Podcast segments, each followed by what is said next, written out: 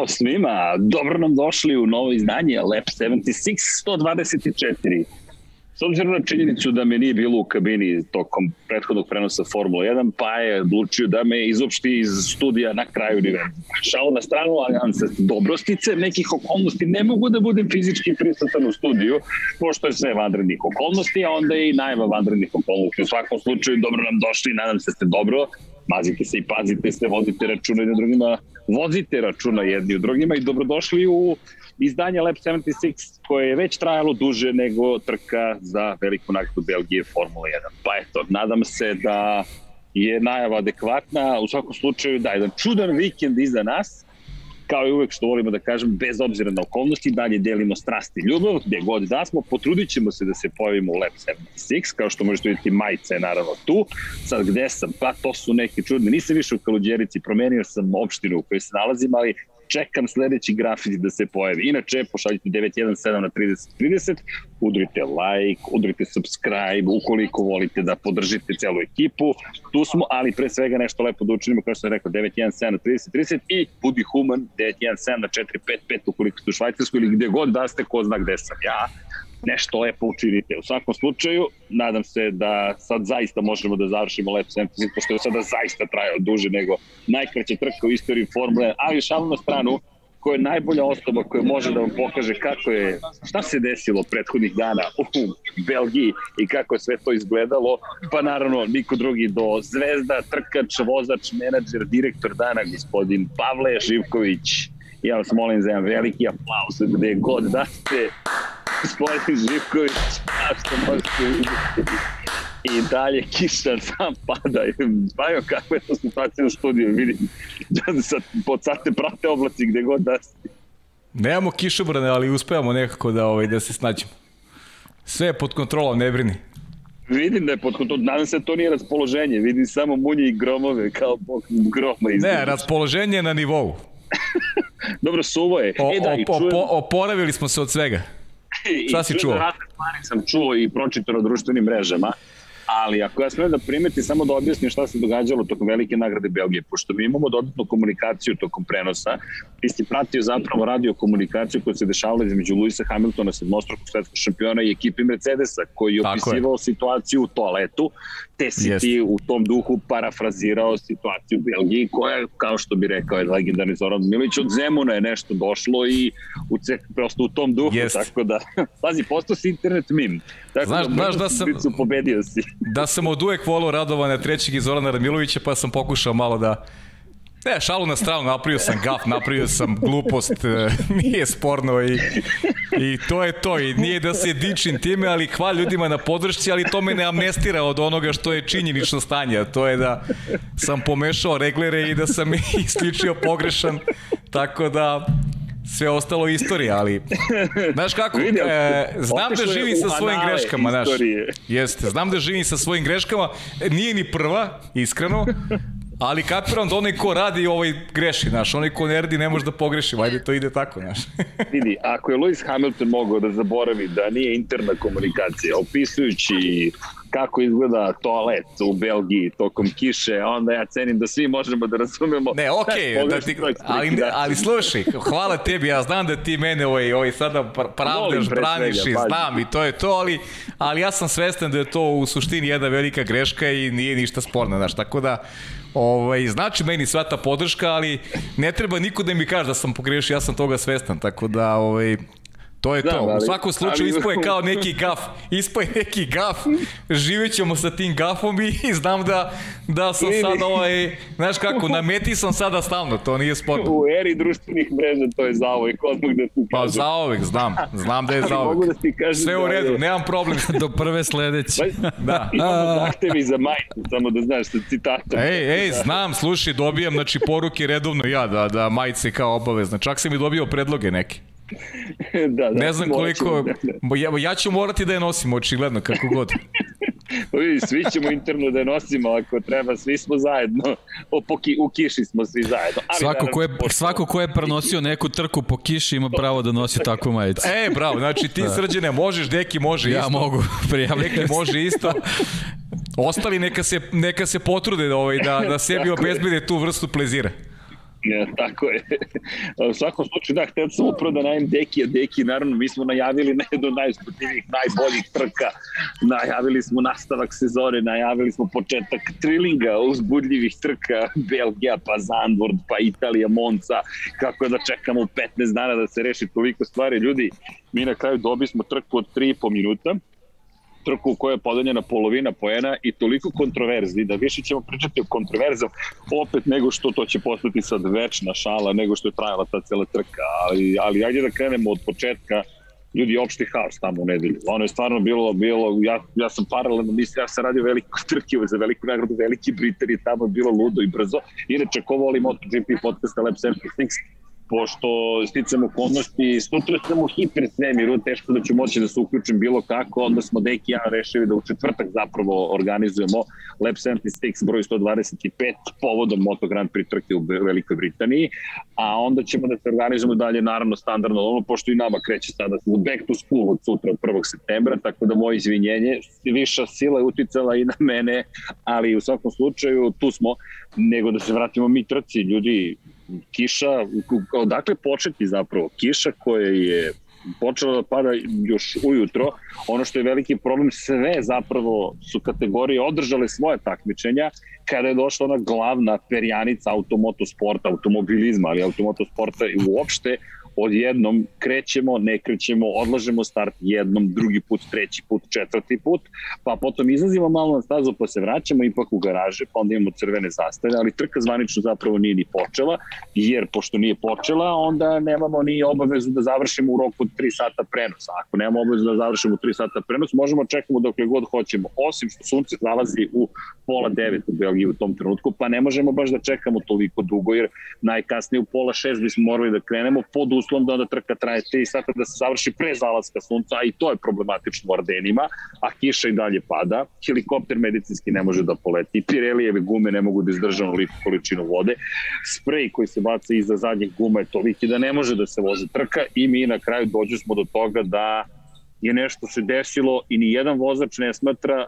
da treba da dobije poene, mada nisam čuo Maxa Verstappena, priznajem, koji je zvanično pobedio, ali ljudi, ajde, vi ste u studiju, kako, mislim, pa, ne, ne, ne, ajde se, pa evo, kako si ti izdržao, da se vratimo mi na ljudsku stranu priče, kako si ti izdržao četiri sata? Pa lagano, isto kao i ti, pre koliko godina, ne znam. Kad se radio motori, pre tri godine, pa... Isti period, isti... Pa, znaš kako, ono, adrenalin, ono, pa sve misliš počeće, pa te to drži, sve, znaš, očekuješ nešto što, što svi očekuju u principu i opet imaš neku obavezu prema ljudima koji to gledaju da, da onako držiš ih uh, uz, uz mali ekran. To je, mislim, kako bi ti rekao, posao, kao što smo svi imali nekad vanredne situacije, imaju i deki, kao što imaju drugi ljudi na svojim radnim mestima, radeći kao, ne znam, mašin bravari, strugari ili nemam pojma, tako je to isto i mi. Kada se nađemo u vanrednoj situaciji, ovaj, pokušavamo da uradimo posao kako treba. I e, ja sam zaista mislio da će jedan to će trke biti, ali onda kako je vreme prolazilo nakon tog famoznog, da ne kažem čega, što sam izgovorio, ta, tada sam bio svestan već da, da, da, je, sve, da je sve farsa da polako dobijamo primese onoga što, što ne želimo. I onda sam počeo javno o tome i da govorim, jer zaista je bila farsa sve što smo gledali do kraja trke, mislim dotaći ćemo se posle posebno te teme bodovanja i, i svega ostalog, mislim da, da, da nikakvog smisla nema dodeliti poene Pritom pišemo Maxa Feštapena kao pobednika za trku koju nije održana. Mislim, to je apsurd, to je nonsens prvi put u istoriji. krug praktično. Ba da, bukvalno ono, nema, nema nike veze sa mozgom, ali pričali smo ti ja deki pre toga ja sam u prenosu rekao da, da model neki iz Naskara možda se primini da se trka odloži za sutradan, šta je teško pomeriti, pomeriti termin za sledeću nedelju takođe, nešto napraviti madrno, u krajnjem slučaju taj petak ajmo da uradimo nešto sa tim petkom u Zandvortu, da, da, da, da dobijemo trku, jer, jer imamo onako jednu trku manje u šampionatu, mi sad imamo u stvari dve trke manje u šampionatu, mada se ova koja nije održana bodovana, ne znam, mnogo ima mnogo absurdnih situacija kojima su prisustvovali i ponovo se vraćamo na ono što pričamo tokom čitave sezone, da prosto neki ljudi nisu dorasli zadatku to smo videli tokom ovog vikenda, tako da je prava šteta što jedna, se, da, da jedna sezona koja je sjajna, imamo fantastično trkanje, prateće stvari to ovako ne prate na, eto, malo, malo zvuči rogobatno, prateće stvari ne prate, ali definitivno neke strukture u, u šampionatu Forma 1 nisu dovoljno dobre da da idu u, u, u ravan sa onomo što se, žo, što se zove uh, vozač, trkanje, dobro trkanje, timovi koji napreduju i tako dalje i tako dalje. Pa potpuno se slažem s tobom. Ovaj, poenta sa, sa Formulom 1 je generalno i kroz njenu istoriju da da često te neke strukture koje učestvuju u organizaciji događaja nekako nisu, nisu dovoljno fleksibilne kad se pojave neke stvari, tu su stvari vidi taj konzervativni deo Formule 1 i on, one, one, neke, neke napredne stvari, neki, neki napredni ljudi koji bi možda u nekim ovakvim situacijama to sve mnogo bolje rešili, jednostavno ne, ne dolaze do izražaja i onda dođe tako do nekih nespretnih uh, razrešenja tih situacija, a meni ova, ova čitava farsa, mislim to se onako dobro rekao, to je, to je taj neki termin ovaj koji možemo da iskoristimo za ovu trku se upravo iz tog razloga sad i desi desila i nekako smo svi i očekivali, ali, ali zaista ono, kad je, kad je krenuo prenos, kad, kad sam vidio kakva je čitava situacija sa vremenskim prilikama, jednostavno, što je Srđan rekao, to su Ordeni, to je Belgija, oni oblaci niskog, on čak nešto rekao pola devet, kakvi pola devet tamo je, pola osam, 15 do 8 već bio dovoljan mrak, čak da su se oblaci različiti, taj medicinski helikopter već tu ne bi imao da. uslove. Pa, ja sam da u subotu završio Formulu 3 u 19.50. To si spominjao, bravo, da. I da, tada su već da. vozači rekli da je, da. da je mrak, da nisu videli finišu trke, nisu je. videli ništa. Tako dakle, je. to je 19.50 recimo bilo po Tako da to pola devet, to je već daleko, daleko i, i mnogo kasno, tako da to su već neke situacije sa tim iskustvom od prethodnih dana, ti si, ti si bukvalno bio od petka praktično sa njima, video si kako se to sve razvije i oni su bukvalno u, tih, u ta tri popodne već, već mogli da znaju o čemu se radi, a to je posebno još neka dodatna priča, to pomeranje starta trka na tri popodne. Mislim, znamo da pre neki 10-15 godina znalo se trka počinju 2 sata, 14 časova po, po lokalnom Jest. vremenu, upravo iz tih razloga. Onda su posle, posle naravno ušle neke komercijalne uh, priče, kome više odgovara prenos ova i onaj kada počinje trka i onda smo tek u, u, u nekoj poslednjem periodu Formula 1 mi dobijamo trke koje nešto već ti frka da li će biti sumrak ili neće biti zato što dođe neka nepredviđena situacija koja odlaže Jednostavno, to su sad ta neka iskustva koje su morali da skupe i da kad dođe ovako neka zaista nezgodna situacija, jednostavno mogu, mogu ovaj, da primene. Mislim, ja sad imam tu neku teoriju, ali ajde sad da, da ne spakujemo sve u ovom, da, u ovom da, trenutku, krat, možda da. najbolje, ali možda, uh, pošto ljudi su u principu gledali, znaju čemu se radi, možda najbolje da krenemo već od tih uh, nekih uh, uh, nižih kategorija, nekih trka koji su zaista bile dobre i koje su nagoveštavale po tim vremenskim uslovima govorimo u stvari šta sve može da se desi uh, na, na, na glavnoj trci, to jest u nedelju. Tako je. Srki, si tu? Inače, pa da, jesam tu, inače pa evo, evo dobio si podršku u vidu i 25 hrvatskih kuna od 94 mars, živio Pajo, tako da hvala. Hvala, hvala Pajo, ljudi, hvala. Živio Pajo. Nastavi, nastavi tim putem. Nastavić, da, da, mislim, ne znam sad, dvosmisleno malo mi to zvuči, kojim putem da treba da nastavim? a vidi, sve to show biznis na kraju. Naravno, a ne, ma, ma šalim se, pa ti znaš da ja nosim lagano i lepe i loše stvari, nije bitno, mislim, znaš, ispao je kao neki gaf, nije, lep, nije lepo generalno, ali ja ne mogu da vratim vreme unazad, šta da radim, to je tako ne, je kako je, mislim, znaš, nije, idemo pa, dalje. To je, to je deo posla, misliš da se... Pa, naravno, šta ćemo sad? Nego, nego mnogo ljudi traži majice zaista, ali ne možemo da pa, da, šta da radimo. Evo, Ivan je, Ivan je tu, Ivan je tu da znaš, pa ajde vidjet ćemo možda Opa, neka ono... gospodin Ivan Toškov. Ivan je tu pa možda da, nekih da ono, spominjamo. serija neka ovaj, od 10 komada neki, znaš. limited edition. tako je, tako je. E da, i da pozdravimo, eto tu nam je jedan od ljudi koji nas podržavaju. Vanja, hoćemo da bacimo pogled ko nam sve to podržava. Ja ću, o, hvala Vanja, čekaj da vidim da ću napačka, a, hvala, ko su pokrovitelji, patron.com kroz Infinity Lighthouse, pomažete, hvala, Sava, Toni Ruščić, Mario Vidović, Ivan Toškov, Mladen Krstić, Stefan Dulić, Marko Bogovac, Ozir Prpić, Marko Mostarac, Nikola Grujičić, Aleksa Vučej, Zoltan Dezej, Zoran Šalamon, Miloš Maduka, Miloš Maduka, Laslo Baroš, Đorđe Radojević, Ivan Simonović, Mihajlo Krgović, Nenad Divić, Nikola Božinović, Monika Erceg, Omer Kovačević, Filip Banovački, Nedo Lepanović, Jelena, Miroslav Vučinić, Luka Savić, Stefan Prijević, Predrag Simić, Žorž i Stefan Vidić, plus 11 tajnih pokrovitelja.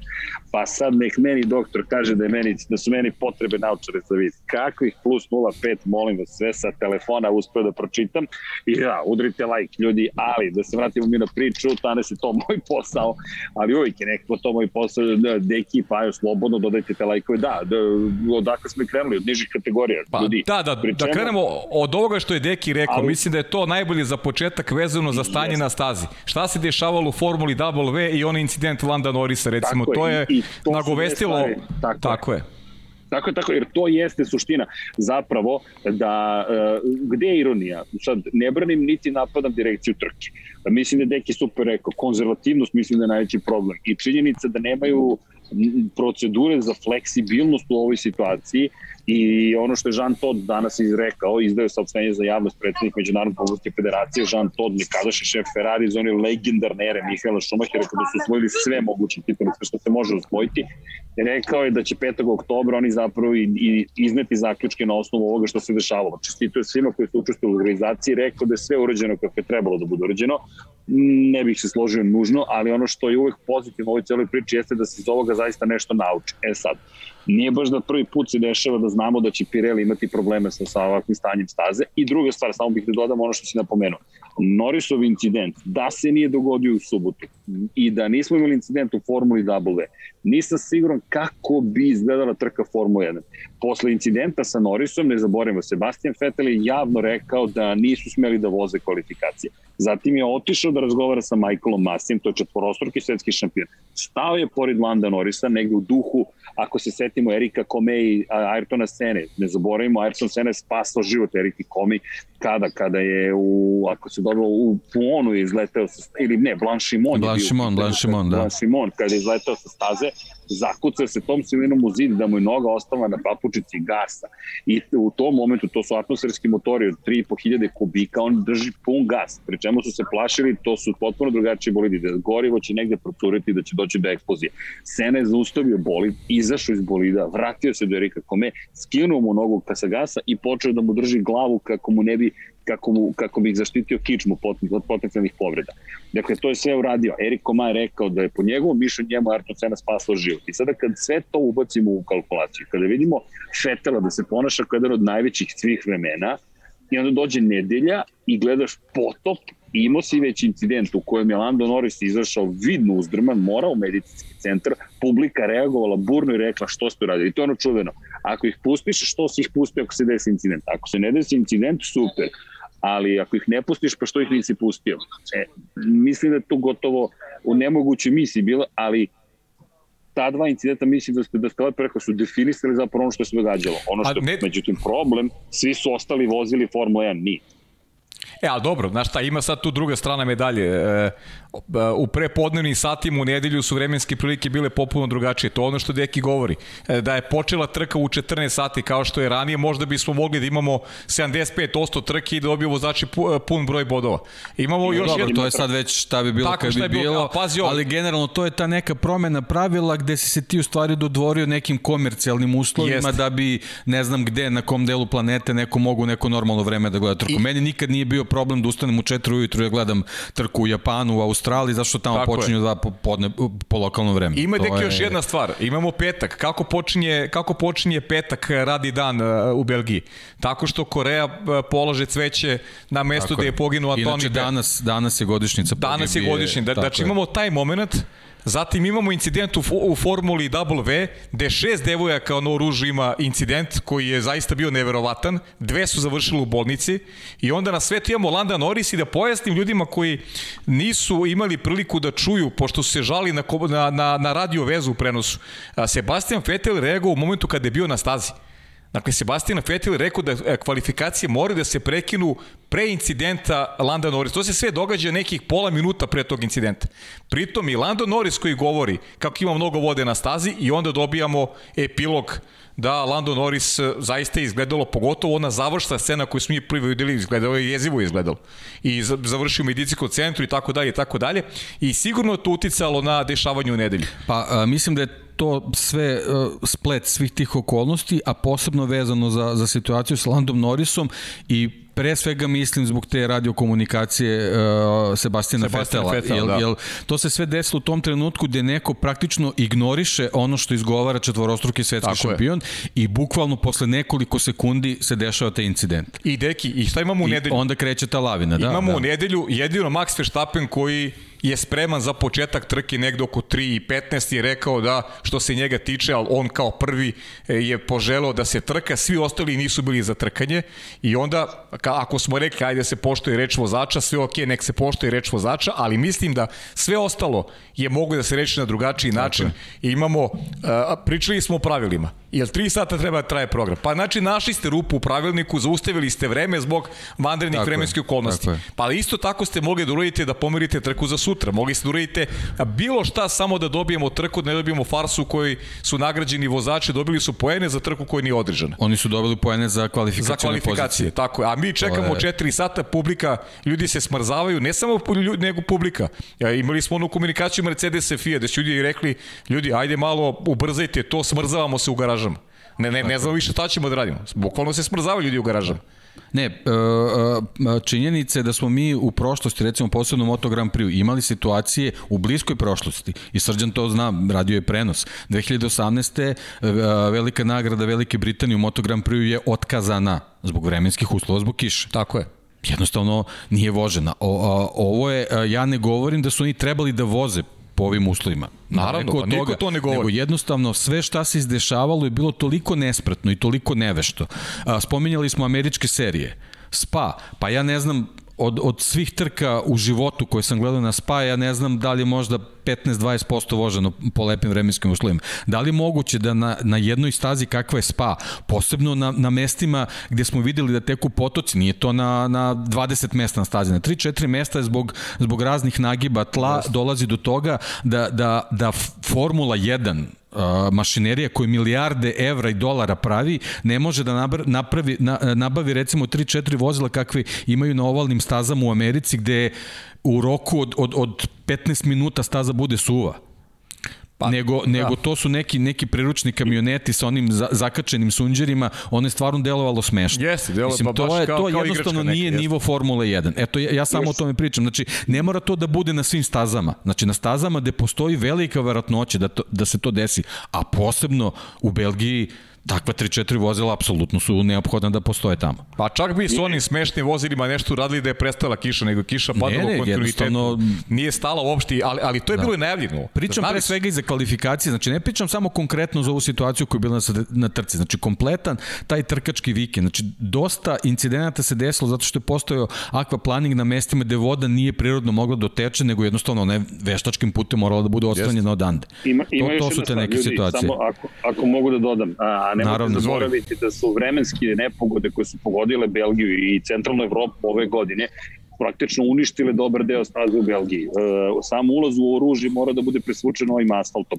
A Lewis Hamilton je komentarisao u petak već da ne zna šta se desilo, da li da je tu sada zapravo ne neravnina, nego džomba, bukvalno, i da oni udaraju zapravo prilikom kompresije na najnižoj tački pred usponu za oružje oni bolidima no, dom zapravo kače delove koje ranije nisu kačili. Pored toga, trenaža je propisno uništena.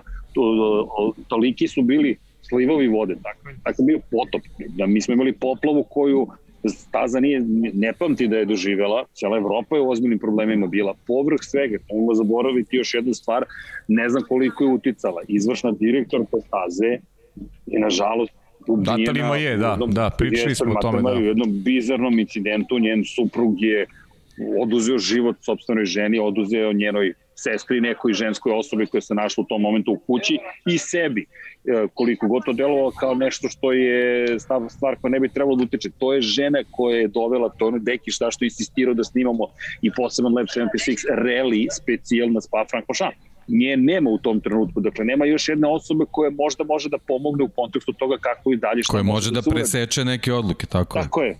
I ima još jedna stvar u celoj priči. Ti si u Zandvortu za četiri dana, za jedan dan. Oni su stigli u ponedeljak ujutro sa spa, posle svih otkazivanja i odlaganja, oni su stigli u ponedeljak ujutro. Dakle, ti si na 330 km, bolju priliku da, od, da odložiš trku za ponedeljak nisi imao dve stvari. Radili smo trku Moto Grand Prix 2018. godine, tada je u subotu, nažalost, usled te količine vode, e, stradao, preživeo, ali, ali mu je polomljena butna kost, Esteve Tito Rabat.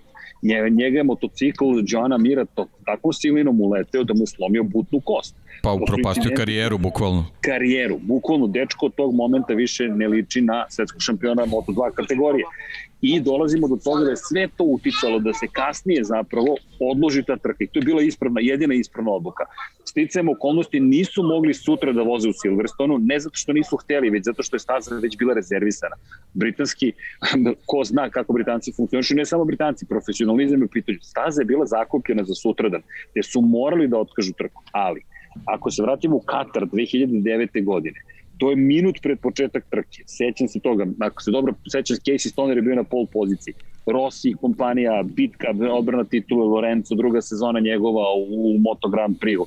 I treba da krenemo, to je prvi prenos u istoriji sport kluba MotoGP-a, počinje kiša. Šta su radili? Odložili trku za ponedeljak prosto su odložili trku za ponedeljak, vožena je bila i trka 250 kubika i 125 kubika, u to vreme smo imali te klase, MotoGP je vožen. Tako da su imali sve mogućnosti da zapravo odlože trku i da odvezu i da se spakuju utorak ujutro karavan da bude tamo gde treba da bude i ono deki što si pričao, to nisi još izgovorio u podcastu, a to je ne mora da se refundira karta, COVID-19 terizmo, nažalost, možeš da kažeš važe vam ulaznice za sutra ili za sledeću godinu.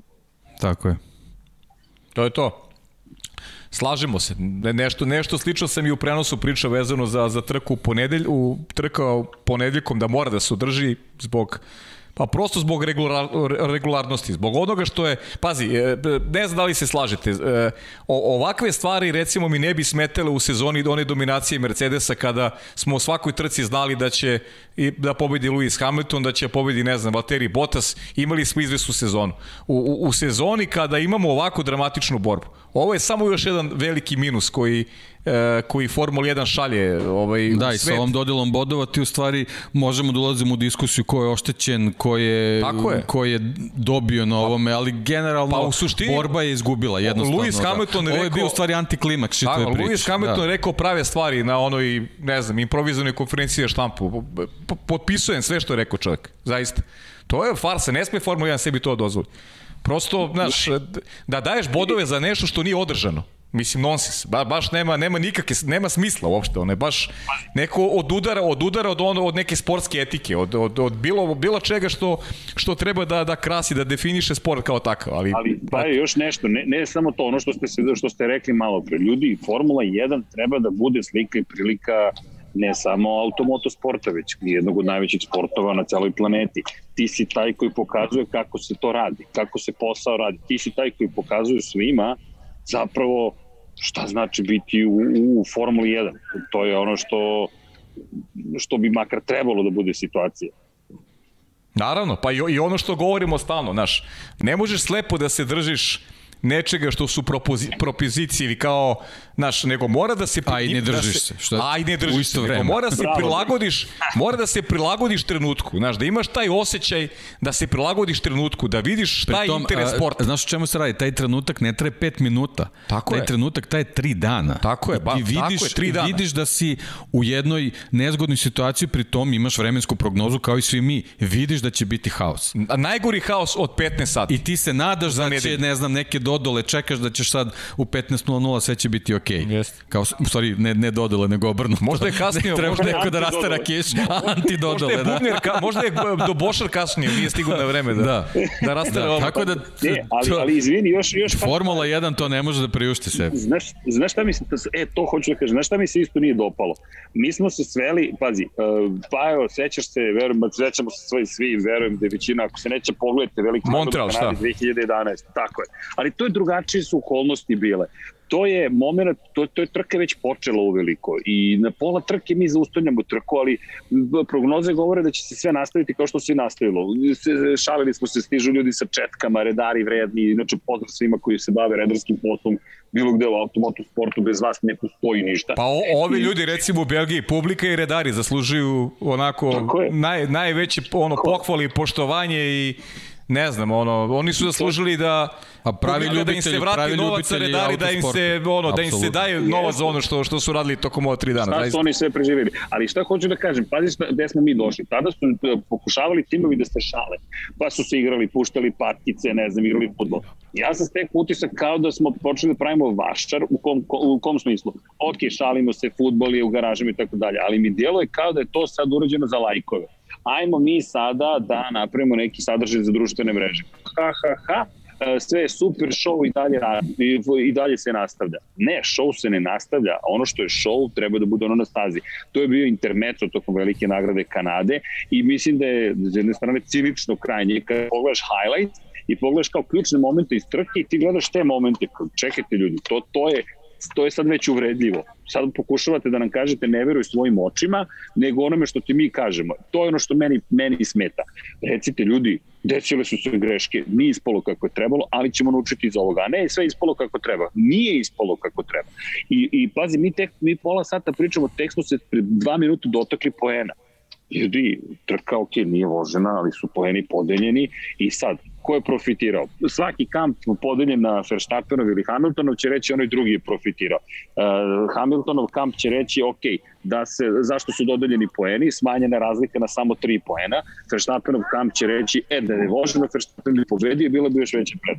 Pa dobro, kao i, kao i za sve što srđani ljudi govore iz i aspekta drugo. navijača. Ba da, Tako je, sve tako se je. govori iz aspekta navijača, ali kad je konkretno ovaj slučaj u pitanju, mislim, jednostavno bodovi nisu smeli da budu dodeljeni. to Nisu je smeli da tačka. budu dodeljeni. Potpuno je Tačka, nije nebitno bitno ko je prvi. U svakoj priči nije bitno. Znači, mi s ovih pozicija treba da gledamo ono što je, ne znam, šta je interes sporta, pokušamo sport, da propagiramo, šta je sport. Pa to je Deki rekao, A ko je na je ko kojoj strani, apsolutno je nebitno. Znaš, ovde je u ovom slučaju, u ovom slučaju, ja bih rekao da slažem se popuno od reči do reči sa onim što je rekao Lewis Hamilton. Mogu često se ne složi sa njim, ovog puta se slažem. Jer je ovo farsa. Sport Znaš, je izgubio. ovo Ono što je Deki rekao, Tako je. Trk, trka je izgubila. Mi smo izgubili, takmičenje je izgubilo i umjesto da pričamo sada o nastavku sezone, jedne od najuzbudljivijih ikada, mi se sad pitamo, dobro, šta sad dalje? I, ljudi, a šta ako ovih pet poena bude kritično na kraju sezone? Šta ako mi dođemo u Abu Dhabi i titul šampion bude rešen zahvaljujući ovih pet poena? Šta To onda? teoretski možda se desi, ali znaš, uh, Šta ja bih onda? sad, ostao bih samo, znaš, na ovoj trci nazovi, da se ne vraćamo nazad, jer imamo mnogo segmenata na kraju godine, mo- moćemo mnogo da se, dok, da se ovako hvatamo, što se kaže, za, za momente koji možda nisu trebali da budu ovaj taki kakvi jesu da je bilo a, pravilnog rasuđivanja ljudi koji očigledno nisu spremni da se uhvate u košta sa problemima i da rade prave stvari. Još u 16 sati smo mogli da imamo a, trku koja je zakazana za ponedjeljak, a ne da čekamo do, do 19 sati i kusur, 4 sata farse i ljudi se smrzavaju na tribinama, mi ljudi se smrzavaju u garaži i tako dalje. Znači u 16 smo mogli da znamo kao što, evo, znaš, mene postojilo strašno, srđan, da radimo Srki Naskar već godinama nazad. Da. Koliko smo puti imali situacije gde se ljudi vide, prosto pada kiša, nema dalje. Su, odlaže se trka za sutra i gotovo. I Dobro, on- oni odavno imaju pravila da Tako se po, po oni kiši ne voze, vozi. oni da, voze svake da. nedelje ljudi. Da, da. Svake da. nedelje voze. Da. I to se dešava da neka putuju na drugi kraj Amerike. Ali će u ponedljikom da odvezu trku. Nije se desilo da se jedna trka ne odveze. Ako treba, trajaće tri dana, pomerit će se program, trka mora da se Dobro, vozi. tamo je, tamo je to. jednostavnija situacija, mnogo su manji budžeti, sve je, ali ono što je Srđan rekao, ovaj, e, ovo je bila idealna prilika da se to uradi, ali je poenta što je samo neko trebao da sedne i da smisli da napravi plan B. O tome se samo ovde radi, a da, da ne u datom trenutku, prateći šta se dešava, oni, oni razmišljaju kakvu odluku da dovedu. I onda one farse sa, uh, sa saopštenjima koji će biti za 5 minuta, da. pa za 10 minuta, pa to, to se u Formuli 1 ne radi. To, to jednostavno ne, ne može, Čekaj, ne ide to uz je moja Formulu 1. rečenica, stani, to Da. se ne radi, je moje. Da, da, dobro, izvini. nemojmo, iz, nemojmo izostaviti, izostaviti iz vida, kako beše? Da. Nemojmo to da znaš- zaboravimo. Nemojmo to da zaboravimo. Evo ga, to moramo se da promenimo. Čika brk. Čika vrka, da. Ja, to se ne radi. Mensel, čika mensel. čika mensel. Dej, stiže novembar, vi se šalite, spremajte Da. brkove. A, Ja, ja bi, ja bi samo, samo da se Digresija, nadovežem. digresija, Di- izvoli. ne, nije digresija, nastavak, samo A, ono što je. Srđan rekao, nego da, Da, ne da. zaboravim. Ovaj, mi smo de, o, 84. imali sličnu situaciju sa kišom u Monte Carlo.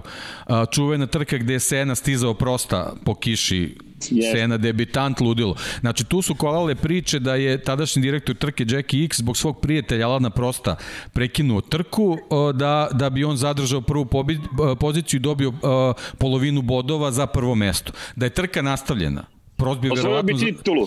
A, završio bi kao drugi, pošto Ste, Štefan Belov koji je stižao, stizao obojicu je kasnije diskvalifikovan. Prost bi bio drugi i sa bodovima za drugo mesto bi osvojio titulu. Zašto? Zato što je sa polovinom bodova pola boda zaostajao za, za Nikijem Laudom. Laudom, tako je. E, tako, to, to je ta situacija koju, koju je Paja spomenuo. Tako je. Da, tako je.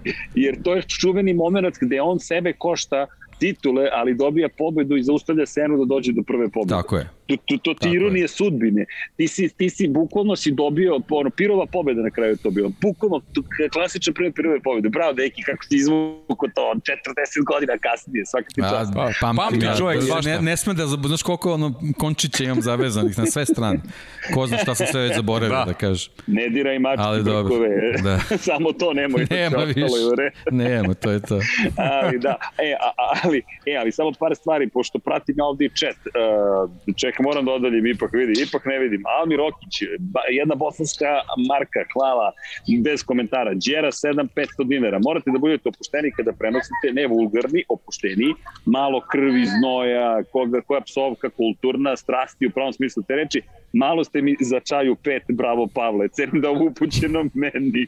Tako da, e, hvala, ali dobro, pozdrav uz eto, podršku sa tribine, eto, super četo, palite e, ukoliko vam se dopada, jel te, ovaj, popularno, kako se to zove sada, sadržaj. Ali, ali da, činjenica je da da, da, da ovakve trke se pamte, to, to si lepo rekao, deki. Ono što meni je problem, sve sve okej, okay, sva što se dešavalo, ali ljudi, znaš šta što mene podsjetilo, sad si me ti pa podsjetio, to je jedan od većih problema, to sam za malo da zaboravim da kažem. Velika nagrada Australije 2020. Mi, mi smo imali očiglednu situaciju opet vanrednu, COVID-19, ok, to je tek vanredno vanredna situacija, ali svi otkazuju takmičenje, otkazuju se letovi, granice se zatvaraju, Formula 1 uporno govori trke će biti, trke će biti, trke će biti, trke će biti, trke će biti, trke će biti, trke će biti, dok ne dođe dan trke, to je prvog treninga i kažu, ej, ipak nećemo voziti. Čekajte ljudi, svi oni ljudi su se okupili, kupili karte, obećavate danima, a mi znamo da su Kimira i Konen i Sebastian Vettel već uzeli povratne karte za Evropu u vreme kad treba da se održava trka i da neće biti uopšte takmičenja. Samo znači, ću jednu dakle, stvar da ti kažem. Znaš. Berni, Berni, vrati se. e, to moramo da napravimo za Paju. Berni, vrati se. Berni, vrati se. Pa da, neko je morao da iseče, više toga nema. Sad se upravlja komitetima, a pa, Michael Mas je suviše neiskusan. Michael Mas jednostavno ne, on, on sad, ba, mi uživo gledamo čovjek. kako stiče. Ali pazi, mi sad uživo gledamo kako on stiče iskustvo znaš, to je, to, to Pa znam, ali jedno... mnogo je skupo, mnogo je skupo za, za, za sve nas koji volimo i za same aktere to njegovo yes. neiskustvo. Znaš, ono baš deluje yes. kao ne da ne znam da, da, da li si ne, nisi imao priliku deki, ti si imao da čuješ ono, onu komunikaciju. On meni nekad deluje kao ne znam, ajde opet da, da ne lanem nešto. Ne, pa kao, bazi, kao, ću pravilnik, ba, ba, baš, baš bez autoriteta, znaš. On kao da, se, kao da se svima nešto izvinjava, stalno je u nekim, nekom tonu, kao da se ljudima izvinjava, ne, nema, nema autoriteta uopšte, znaš, kao neko dete koje je tu dobilo neku igračkicu, ali, ali ne zna kako bi se s njom igralo. Znaš, nikomu nije, nikomu nije pojasnio od starijih kako, sa, kako da upotrebi da, tu igračku. Da. Nego on treba sam da u jednom momentu spozna šta da radi. I, mislim, dok mi sačekamo da on spozna ovaj, kako se upravlja tom igračkom, e, prođe voz. Mnogo već imamo onako minusa e, koji i tekako utiču na, i na regularnost i na, i na sezonu koja je fenomenalna i svaka trka priča za sebe, sve je sjajno, ali mnogo tih nekih pratićih situacija kojima on i njegova ekipa nisu dorasli momentu. Da, Dobro, mislim, nažal, nešto, nažalost, da, reci Srki, reci.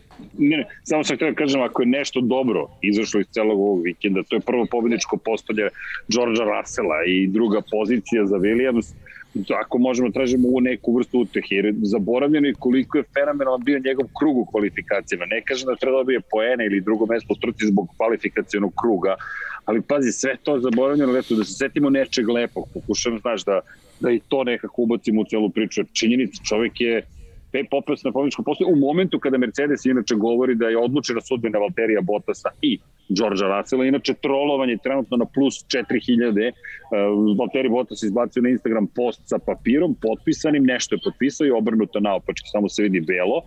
A mislim da je Lewis Hamilton napravio veliki gaf večeras, baš sam proveravao, na kraju su ispostavili, stavio na Instagram sliku sebe i Roskoja, njegovog psa i tagovao je umesto psa Đorđa Rasela potpuno da, da bizarno. Da, da, da. To, to je neprihvatljivo iz moje perspektive, ali ne možemo da bežimo od toga. Društvene mreže imaju toliki utice, to sad jednom diskusiju, šta sad to znači? E, koju poruku to šalje? Koliko, toliko pitanja, ali okej, okay, ajde, ne nadam još sada i pa, na utorak. Pa da slali su poruke, slali su poruke, Hamilton i Bottas su slali poruke u smislu Bottas je govorio kako, kako ima podršku Luisa Hamiltona i Luis Hamilton je rekao da je razgovarao sa, sa timom vezano za budućnost Valterija Bottasa. Dakle, mislim da je jasno šta žele njih dvojice. Žele da Bottas ostane u ekipi, a opet s druge strane e, mnogi spekulišu sa tim da je, da je George Russell već viđen u Mercedesu. Sad, ne znam, ja verujem, ono smo pričali ranije, ja neko verujem zaista da će Bottas ostane u Mercedesu ali ajde sačekamo zvaničnu reakciju. Bilo je čak u jednom momentu, ne znam koliko ste pratili, verujem da jeste, izbezano za Serhija Pereza. Spekulisalo se da, da je Red Bull pikirao Fernanda Alonso i da su čekali do posljednjeg momenta Fernanda Alonso za narednu godinu, kada je Alonso potpisao za Alpinu, da je onda Red Bull odregovao i, i stavio para sa Serhijom Perezom. Tako da, yes. ja verujem u te priče da, da, da je Alonso, i, Alonso i ranije bio meta Red Bulla, Tako da ne bi me čudilo da je zaista bila to neka projekcija. Red Bulla pre Fetela. Tako pre Fetela, da, tako je, da. Tako, tako je. To je, to je, to je njegov A i posle Fetela. To je njegov izbor, Fetela, da. da.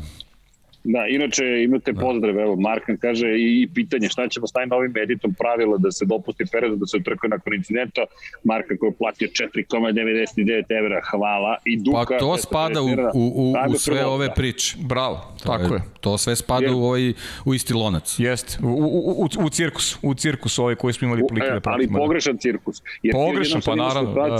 da trka zapravo nije ni započela tamo negde do šest uveče otprilike i, i kasnije kada su ih zapravo pustili da vezu dva kruga. Pa pojavljivanjem Pereza na stazi to, to se kosi preneseno znači, tako to je, je to. Da. Pa kosi znači sve što je do tad bilo po i pike ne Tako važi. je, kosi se sa pravilnikom generalno pojava Serkije Pereza na, na, da, da, da, da, da citiram Deke, kojim pravilnikom? Pravilnik je na nivou da, pa to, pa to ti kažem. Da pa da, Mi smo pa nešto da. napisali, ali baš i ne moramo da se držimo Ko toga. u tom trenutku veći pritisak vrši na, na čoveka koji donosi odluku, ako je to Michael Massey, Da, to je da zanimljivo zadršku.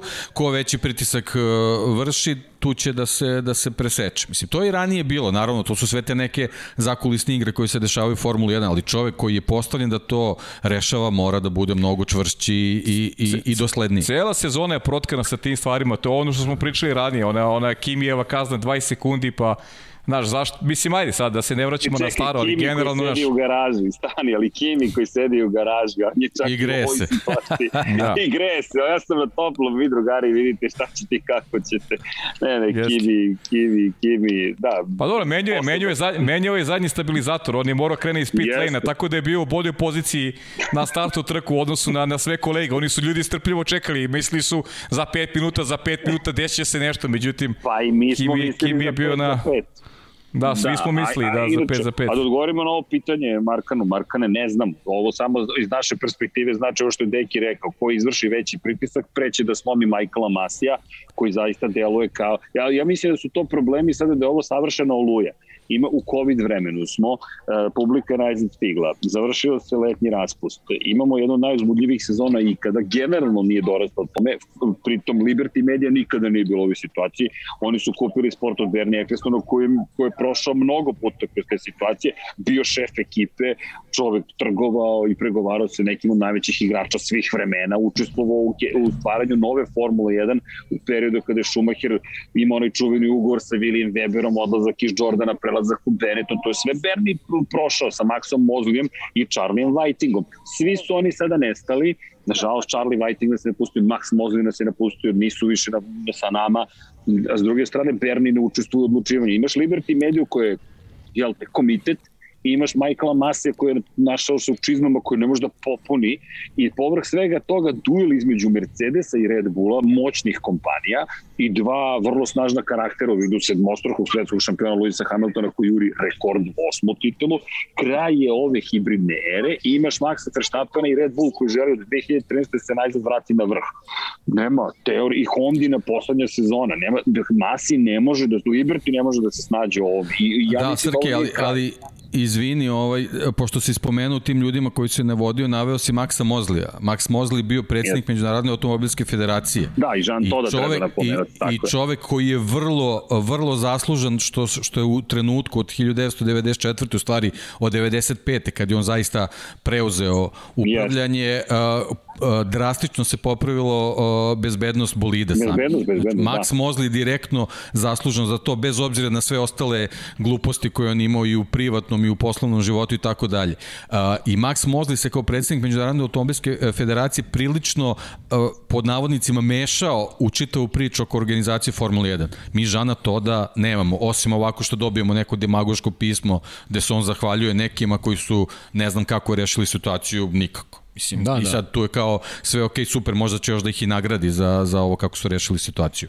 To je, to, je, to je sad taj nedostatak ove organizacije Formula 1. Međunarodna automobilska federacija se tu bukvalno vodi samo kao neka krovna da, institucija da. pod kojom se to sve organizuje, ali i ovi ljudi što su tu nose, nose te, te ovaj, oznake FIA, ti predsednika automobilske federacije kao neko koji bi trebao u ovakvim situacijama možda se pojavi, jednostavno ga nemaš. Čisto je, čisto je znači onako baš predsednička paradna ovaj, figura. Jasno, jasno. Eto, to pa je, to je, to je, to je to što nedostaje. Imate, Imate pozdrav, Duki, veliki pozdrav za Pavi Deki iz Srđana, nastavite radite posao koji radite, čiste dosta ljudi da srećeni vašim podcastima. Hvala Duka, hvala, lepo, hvala, lepo. 250 dinara, hvala zaista. Mislim, pozdrav hvala. svima, bit će tu i Q&A i kasnije, nećete da brinete, ali ono što, što, što, što, što ovde pričamo, e, prosto toliko tema, ja ne znam, i kad stignu pitanje, ne znam šta će sve da tu se desi. Evo, mi još nismo ni stigli do, do poredka u trci, mi pričamo o skandalu koji, suštinski ovo je skandal Ovo je bukvalno skandal za, za Formulu 1, pogotovo što evo sad idemo u Zandvort. Šta ćemo u Zandvortu ukoliko se desilo bilo šta slično ovome? Zandvort je stara staza kod pitanja koliko je pripremljena za bilo šta slično ovome. Ja se pa iskreno nadam da ćemo to izbjeći. Ali pa ne možemo da pobedimo od pitanja te stare staze karakteristika je starih staza da imaju loše drenaži, to je ono što što smo za Spa znali, mislim oni Spa je da vozilo se Kasel, mislim doživela je Spa je naravno mnogo puta je bila a, dobijana drugačija konfiguracija ili staza je prestara i normalno je da je, da je drenaža loša. Ono što je rekao Deki, to je o tomu moralo se vodi računa. Mora postoji neki autoritet, mora neko da misli a, o vanrednim situacijama. To se unapred radi. A ne da čekaš da se one dogode. Pričamo, pričamo o Belgiji gde po ne, neverovatno velika verovatnoća da će to se desi. Neverovatno velika verovatnoća. Pa dobro, okej, okay. ba mislim, okay, ja sam nešto malo preko, nešto da, isto da. ovaj. Prilično rogobatno zvučalo, ali ali znaš šta je, znaš šta je problem? Ne pričam e, i već vidim da nemam pojma na šta će Znaš šta je problem? Što su ovde trojica nas je ovde, a svi smo puni utisaka. Da. I, I tačno znam da bi neke stvari trebao da kanališ, ne mora odmah da se izgovore, da. prosto priča teče, a hteo bih da ih podelim što pre, zato što mi onako mozak mi prosto ono kulja od nekih ono da. stvari koje sam, koje sam primetio prosto gledajući sve što se dešavalo tokom vikenda, mnogo anomalija, bojim se da će nešto, da će nešto i zaborim u celoj priči, ali stvarno jedan, jedan vikend koji nije za primjer nikome ko, ko učestvovao, ko participira u ovom sportu, a najviše su izgubili gledaoci i, i čini mi i vozači, ja bih da. rekao i vozači, da su oni istom košu, znaš, ti se takmičiš, Spa je kultna staza, privilegija voziti na njoj, trkati se, takmičiti se, a, a njima je to uskraćeno. Ma, znaš kako, znaš, prosto ako, ako nije bilo da se vozi nije ni trebalo da se vozi da, sve okay. i, i kraj. Pa naravno. A ovo je na kraju ispalo moglo je da bude šta, neka limunada bezvezna Tako koja je. ono nikom, nikome nije prijelo. To je u stvari suština. Znači da, da se preseklo se nije vozilo sve okej, okay. mislim niko, niko, niko tu ne bi niko ne bi mogao da zameri posebno kad se videlo kakvi su vremenski uslovi, pa mislim ona sve kamera okay. koja je pokazivala kadar startnog prava ti ti vidiš do drugog trećeg reda iza se ništa videlo nije i Hamilton ali, je rekao da da 5 ali, metara ispred sebe nije video sve okej, okay, to sve treba okay. se ispoštuje, ali, ali, da. ali ono što smo rekli da nađi način ovo rešenje Tako je. Ja ne znam sa kako Ovo nije bilo rešenje. Ja sam rekao tokom Tako prenosa, ok, TV prava, znamo, 15 sati zakuceni prenos nedelja. Ali opet, ajmo ajmo da se dogovorimo. A, ne postoji uslovi da se vozi od 15 do 20. Znali smo da će u prepodnevnim satima biti dobre vremenske prilike. Šta nam je prioritet tog vikenda? Šta nam je prioritet tog vikenda? Da se održi trka Formule 1, je li tako? Pa ajmo da tu trku Formule 1 u dogovoru sa vozačima, sa timovima, da napravimo neko rešenje, platit ćemo, platit ćemo i televizijama naknadu ako ne mogu da emituju taj prenos. Nešto ćemo da uradimo, da, ali ćemo trku ali da održimo. Ali ćemo rešiti brzo Rešit ćemo problem, brzo tako je. Brzo ćemo da, šta je falo da trka počelo podne? Da je trka počelo podne, mi bi, mi bi imali trku. Da, ali, ali, ali to je sad opet ono što Deki rekao, nema, nemaš prosto procedure da, da se tako nešto desi. Pri čemu svi imaju zakonite vrlo skupocene termine, da to bude od 15.00 kako je planirano. Sateliti za, za prenos podataka su zakupljeni. Uh, optički kablovi za prenos podataka su takođe koje, ta, koje, koje Tata Communication postavlja specijalno, to sve košta ozbiljno, to su ogromne enorme sume novca i neko je rekao, ok, idemo na rizik, previše skupo da, da, da, da bismo promenili sada situaciju i mi smo došli do toga da mi zapravo na kraju gledamo ovo što smo gledali. Ima još jedna stvar u toj celoj priči, ti kažeš, ne znam da li drugi imaju Paju Živkovića, nemaju, e, ali znam pouzdano da, da, da je publika bila bila uz ekrane, želela da vidi to. Ok, nije se desilo, šta, hoćemo da, da, da kažemo da ne bi pogledali reprizu u ponedeljak. Dobili bismo dve trke, dva spektakla. Sponzori dobijaju duplu dozu vremena na televizijama. Ok, menjaju se stvari. Ovako šta? Dobili smo nešto bolje. Ne, nismo dobili ništa bolje. I ono što je sad pitanje, ništa. E, ljudi, mi idemo u Zandvort, mi smo za tri dana u Zandvort, I šta sad, kako se sad vraćamo u celu ovu priču, pri čemu, koliko propuštenih prilika, mislim, ja ti sad situacija, znaš, ti, ti, ti si, da, prilika za, za trkanje. Uh, ajmo da pričamo o tome šta, šta ćemo sada sa Zandvortom. Ono što je pozitivno za Red Bull, na primjer, jedna trka manje za opterećenje motora. Ljudi nemaju zaboraviti, jedna trka manje za opterećenje motora ali možda i propuštena prilika promeniš motor, mada, da li želiš da se sad to desi, kada, kada znaš da bi, ne znam, pola poena dobio, šta, George Russell dobio pobedu. Mislim, sad više izbacujem neke stvari koje su prošle sve kroz glavu. Čekaj, sad ova trka je toliko toga moglo druga, da, da, da, da dovede do, do, do toliko drugačijih rezultata. Ali, mene plaši, kažem, da će se ponoviti. Ne, ovo je sada završeno. Ad acta je stavljena cela priča Međutim, šta ćemo kada sledeći put se nađemo u istoj situaciji? Šta će biti ako u Americi bude opet problema sa stazom? Kao što ih je bilo. Da ćemo opet da ovako da sedimo i da čekamo. I tamo oluje nas očekuju. Nemojte zaboraviti tamo Ne moraš da ideš tako daleko. Vratit ćemo se na Zandvort. Zandvort je za, za nekoliko dana staza na kojoj nismo bili odavno u Formuli 1. Staza koja je isto starog, starog kova, gde imamo on, onaj e, veliki, veliki nagib na onoj, na onoj krivini. Uh, imamo najavu da će biti kiša i u nedelju u Zandvortu. Šta ako, ako ne, ne budu mogli da reše drenažu na toj krivini? Šta, opet ćemo imati ovo. To, to jednostavno e, ne možeš sad da tražiš neko drugo rešenje ako si ovo već primenio u Belgiji sami su sebi sad napravili ovaj veliki problem i, i, i ozbiljno, ozbiljno su se upleli i, i ako se desi slična situacija, živo me zanima kako će to da reše, da li kao na drugi način ili jednostavno ovo je pravilo za rešavanje te situacije. Mm, da. To je to je sad sad o, mnogo mnogo više problema da. i, i isplivava.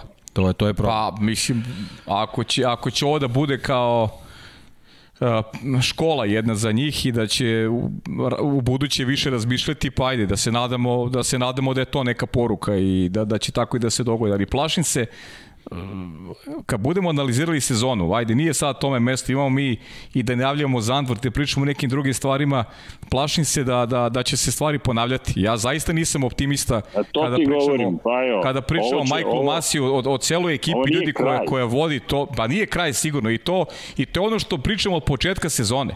I zato Ali jeste, zato mene nervira što, što mi, se, mi imamo strašnu sezonu, a pričamo o stvarima koje nemaju veze sa sportom. E, to, to stiže, to. stiže Monca gde ćemo imati sprint trku ponovo. Ponovo sprint da. trka.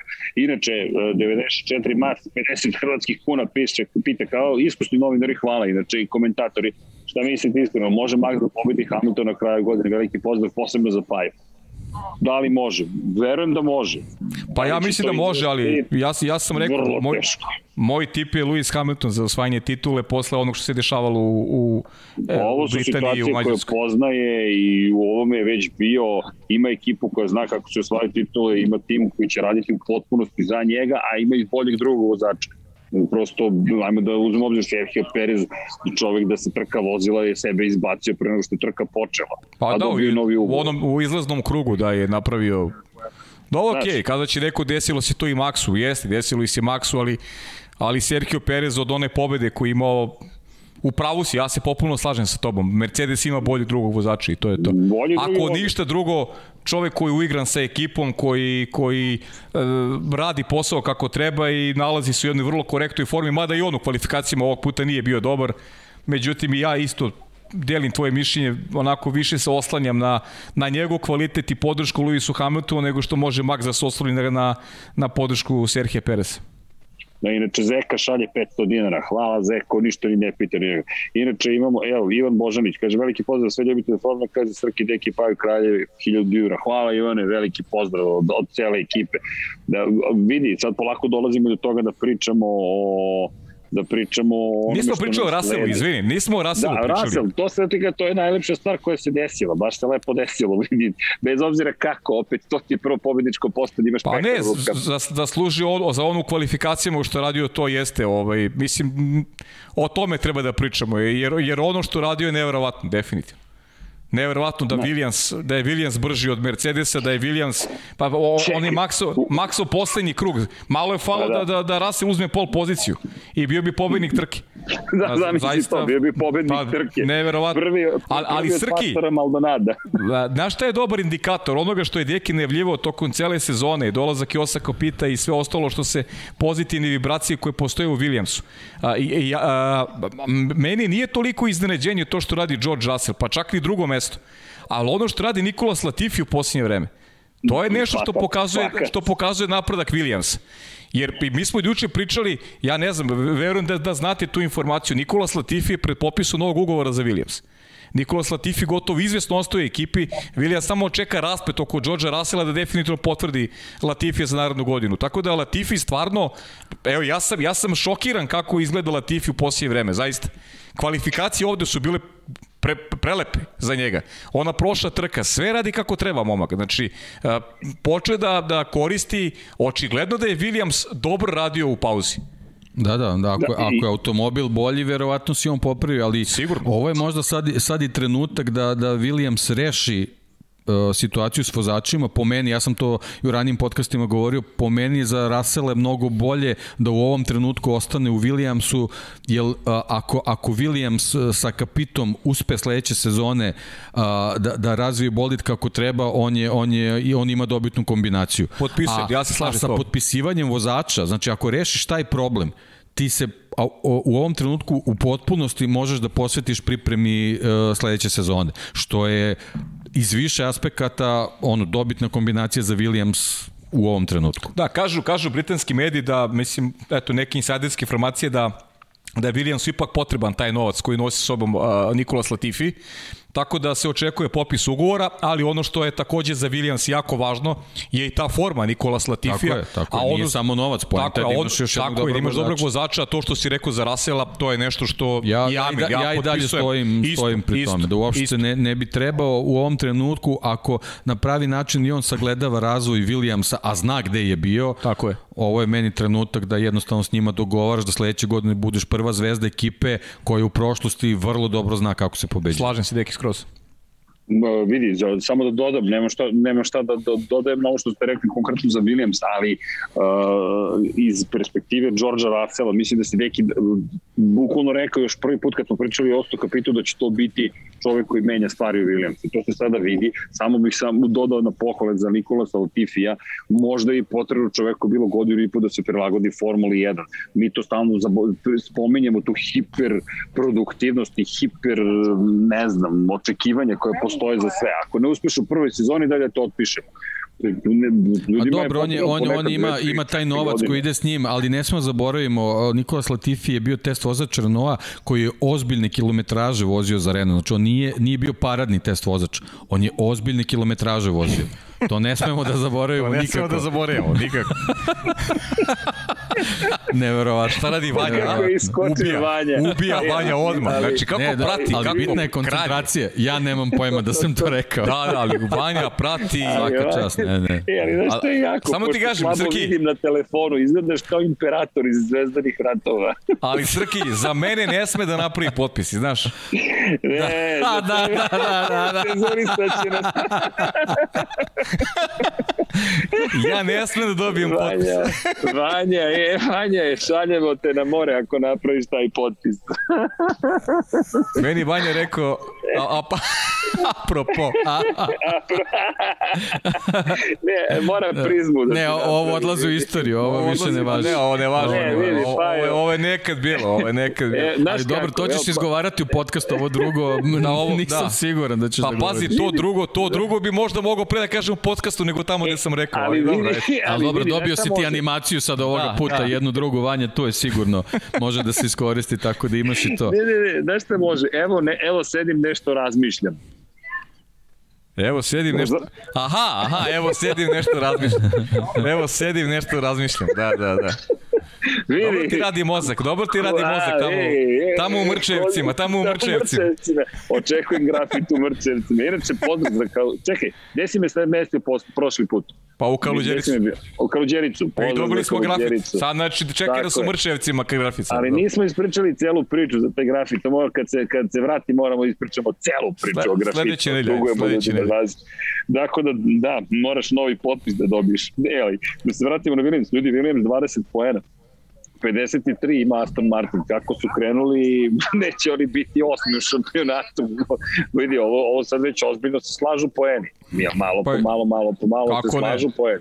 Pa i da Znaš kako, i njima, je, i njima je ovo važno zbog pozicije, zato što znamo da na kraju godine i te pozicije donose određene, donose, određenu tako svotu Tako novca, je. tako da Tako je, to je vrlo, zarađuje- vrlo, vrlo, vrlo važan boost bio, a posebno što tebi i drugi vozač osvoje bodove, jer svi, svi smo tipovali da će, da će Russell da bude taj koji će doneti prve Jest. bodove, A da. u stvari se ispostavilo prolaskom kroz cilj, Latifi je bio taj koji je donao prve bodove. Jest. Tako Vidi, da, Russell da sad nije drugi bio, bi dalje zaostajao za Latifi. vrlo, vrlo da- pozitivan period za njih E, ovaj, čekaj, čekaj, i čitava situacija. Sad mi je prošlo kroz glavu da ne zaboravim još jednu onu eh, neverovatnu priču koju su imali najbrži krug Nikite Mazepina. Da, da, pa dobro. koji to je, kaže da. ovaj, ne, ono, ne mogu dobio ni, završio je 15. Zamisli da je bio još u bodovima, dobio bi, dobio bi bod iz Pola najbrži krug. Pola poena, da. Zamisli, Ali zamisli za najbrži krug da je još dobio. da. da. Pa ne, to je, to je Najbrži već krug vrhunac čega? ironije. Nešto, to je već vrhunac, to, to je van cinizma, ne znam u koju kategoriju to je. ne, užas, ono, ono stvarno Da. kad pogledaš kao najbrži krug i on se, on se dečko smeje kao Pa za ne, malo mi, dobije, mi, pa mi nismo imali ni jedan krug u, u trkačkoj jedan. brzini, E, mislim, to ali, je... ali ljudi, jedan. pitanje je ne, i ne, nemoguće dodeliti bodove za trku. To je, to je Da. problem. E, ali to je Jeca Zvezdica lepo prokomentarisala. Ako smo mi startovali, samo ovdje da mahnem publici, ako smo mi startovali trku iz pit lane pod crvenim zastavama i to je prvi krug, jel tako? To je što ti si tu se pripremio. Znaš prvi krug koji voziš, pa drugi krug i onda dolazi crvena zastava. Ti bi trebalo da poništiš prethodni krug. Tako zapravo. Da. Tako, Što znači da. smo vozili jedan krug, Ako, ako se držiš pravila, tako Jeste. je. ako se držiš pravila. Znači, trka se nije ni održala. Osim što smo mi rekli da se održala, mi koji se odlučujemo i onda se održala. Ali dobro. da, pa, pa, pa Michael Masi u komunikaciji sa Red Bullom, da, znaš da je rekao dva sata još pre ovog famoznog polaska trke. Da će oni da, da se održe dva kruga iza sigurnosnog, on je najavio šta će se dogoditi. Dva kruga Da, da, iza da. sigurnosnog vozila i dobit će po pola a, poena vozači. On je to najavio dva sata pre, pa što niste odmah to uradili? Odmah, odmah to uraditi. Pa što niste to napravili? I onako je fars. Ajmo da završimo Ne, farsu odmah. Zašto ne, ne čekamo još možemo. dva sata? Ne možemo da se izvučemo iz Belgije, toliko smo svi ljuti zapravo, da ne možemo da izvučemo iz Spa. Pa teško je. Ja sam mislim da samo Spa. ljut na njihove odluke, znači Pa naravno, vreme je pa stvarno to. bilo tako da se ta trka ne vozi, mislim, ne, ne, Sve je okej, pa ne, ne, ne, što je pričao, mislim, naravno. možemo i da prolazimo kroz pra, spa kroz istoriju, stvarno se svašta tu dešavalo, Jest, ozbiljni incidenti, jest, jest. uh, udesi, tragedije, Tako uh, je. nije moglo, nije moglo sa, samo taj, t- taj incident uh, Landa da njih sad nešto prepadne, pa sad oni odlučuju šta Jest. će, kako će, mislim, to je jednostavno takva bila, ta, takva je bila staza uh, na kojoj se to sve dešavalo, ali, ali je situacija, ti imaš uh, Fetela koji te upozorava i kaže ti, daj, prekinimo ove kvalifikacije, ti jednostavno ignorišeš čit, čitavu priču. Onda ti se desi to sa, sa Landom, šta se desilo, pa ti sad tu kao nešto pribegneš nekoj većoj opreznosti. Onda ti se dešava situacija sa trkom gde ti čitavo jutro znaš da ti se sprema to vreme i ti jednostavno ne odreaguješ, ne pripremiš situaciju. To je ono u stvari što najviše Jest, smeta. Tako je, slažem. Ali e, ja bih više volao da, da je trka otkazana, da, da jednostavno da se ništa nije desilo. Jeste. Jednostavno bilo mnogo, mnogo slažem se. lakše. Tako je. Eto, to Ja, je stvar. ja, ja sam propagirao to da bude prolongirana za ponedeljak, mi da je to bilo najbolje rešenje. Ako su postojali uslovi, znači moramo da se ogradimo. Pa okej, ali oni su to isto isto trebali da znaju u tom trenutku. Tako ali ovo je ovo je baš bilo onako bez veze. Dobro, samo da konstatujemo, Max Verstappen je pobedio, George Russell je bio drugi, Lewis Hamilton treći, Daniel Ricciardo četvrti, Sebastian Vettel peti, Pierre Gasly šesti, Esteban Ocon sedmi, Charles Leclerc osmi, Nikolas Latifi deveti, Carlos Sainz deseti. Čisto da ne zaboravimo ko je sve svoje pojere. Pa Fernando Alonso, Valtteri Bottas, Antonio Giovinazzi, Lando Norris, Yuki Tsunoda, Mick Schumacher, Nikita Mazepin, Kimi Raikkonen, Sergio Perez i Lance Stroll. To su sve klasifikacije na kraju. Čisto da eto, da, da ne zaboravimo taj moment da, da, da, da, da tako klasifikovana trka. Ide to je bila 12. runda zvanično održana.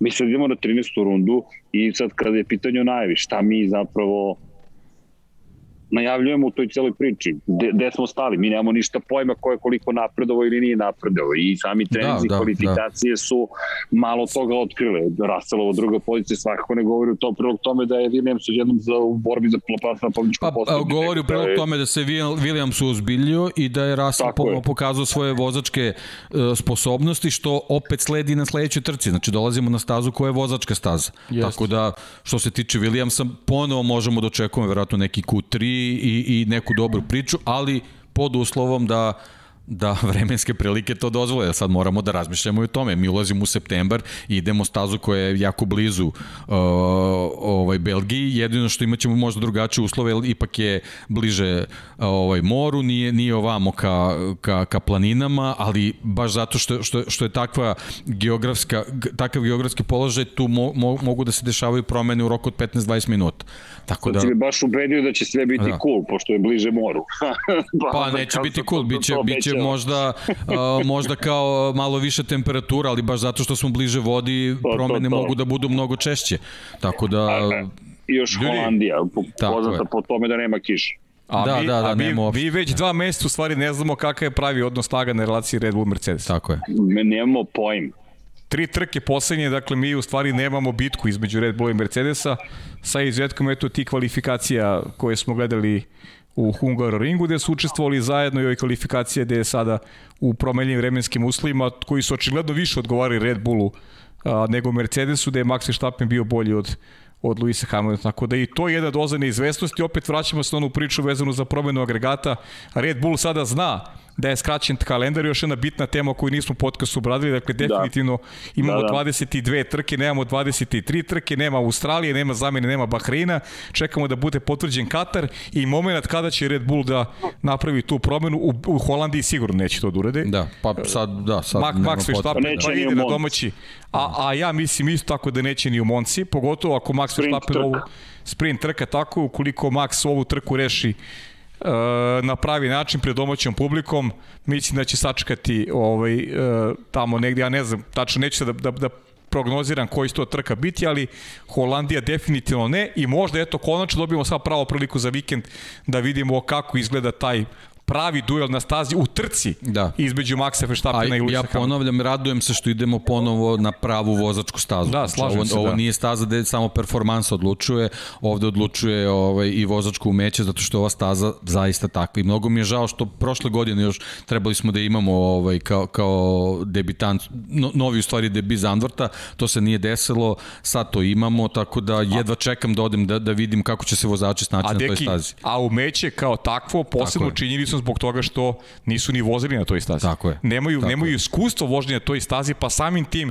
njihovo umeće će doći dodatno da izraže. Tako je. A Susreće ja ono što sam, novim. što sam pratio kroz ove neke druge, druge kategorije, tamo su vozili Miloš Pavlović i Dušan Borković je bio na toj Jeste. stazi, kroz te kategorije smo pratili. Da, DTM smo Ta, gledali često ta, tamo. da, i DTM je naravno često mm. bio ta staza je zadržala tu neku svoju prirodu, bez obzira što je sad kao po nekim novim standardima Formule 1, ona, ozbiljno nezgodnu prirodu ima, zbog izletnih zona, zbog nagibu u krivinama, mislim da, da stvarno vozačko umeće će tu doći, doći do izražaja. Srki? I tamo jedna greška, pa evo, jedna greška, to, to, to je vrlo skupocena. Nemaš tamo mogućnosti da se izvučeš i to što pričate o testu i u tome ko će biti hrabriji i spremniji. Vidjeli smo, pazi, ne zaboravimo, Max Verstappen je u petak napravio onu grešku, dakle agresivan, ako možemo nešto da zaključujemo, se vratio na stazu, spreman da se bori, ok, osvojio pol poziciju u subotu, nastavio sa agresivnim vožnjama, ide na domaći teren i to će meni biti zanimljivo. Svaki put kada smo bili na Red Bull ringu koji je do sada bio neki de facto domaći teren, on je bio spektakularan. Pa me nešto sve to navodi na to da, da će tamo biti brz.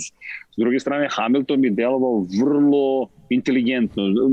Ne, to ne znači da se Verstappen nije delo inteligentno, nego vatrenija, ovo je bio racionalniji, ajde, bolje reč, ra, racionalno mi izgledao Hamilton. Ono što si Pavio ti rekao, zna šta treba da učini i kao da, je, kao da da, daće sve od sebe, ali da neće prosto preći granicu. Sad, ajde, meni to zanimljivo zato za Android test, ali mislim da Verstappen će ga polako, sad malo nagađam, ali da će ga položiti i da dobijemo najzad to što si rekao odgovor na pitanje ko će da bude najbolji. I ono što je pitanje, ko će biti treća najbolja ekipa u toj celoj priči znaš, kome će, koji... Znaš kako, u ovoj, u ovoj priči, čisto ako pričamo u detaljima, uh, Red Bull je dosta promotivnih vožnji imao na Zandvortu. Jeste, jeste. Tako da tu su da, neki, da. neki podaci prikupljeni, to sad ne zavisi toliko od, od, od, od godišta bolida, da li je ovogodišnji, naravno nije, prošlogodišnji ili ko zna koja ali generacija, Asfalt, ali, da, ali, ali jednostavno podaci su neki, neki inicijalni tu i to Izvini. mnogo znači u pripremi trke. Pa sveti se i Osta Kapite dok je vodio Volkswagen. On je slao ljude da se spremaju za relije tako što je prikupljio informacije o vlažnosti vazduha, o brzini je, kretanja vetra, o tome od čega je sačinjen taj asfalt. Osta Kapito je potpuni genijalac po pitanju toga, to, to, to, malo, to, to, o tome nismo toliko diskutovali, ali to evo može već i u Williamsu da vidi. Bukvalno timovi Volkswagena su odlazili meteorologi, meteorologi, specializovani samo da prikupi informacije o terenu.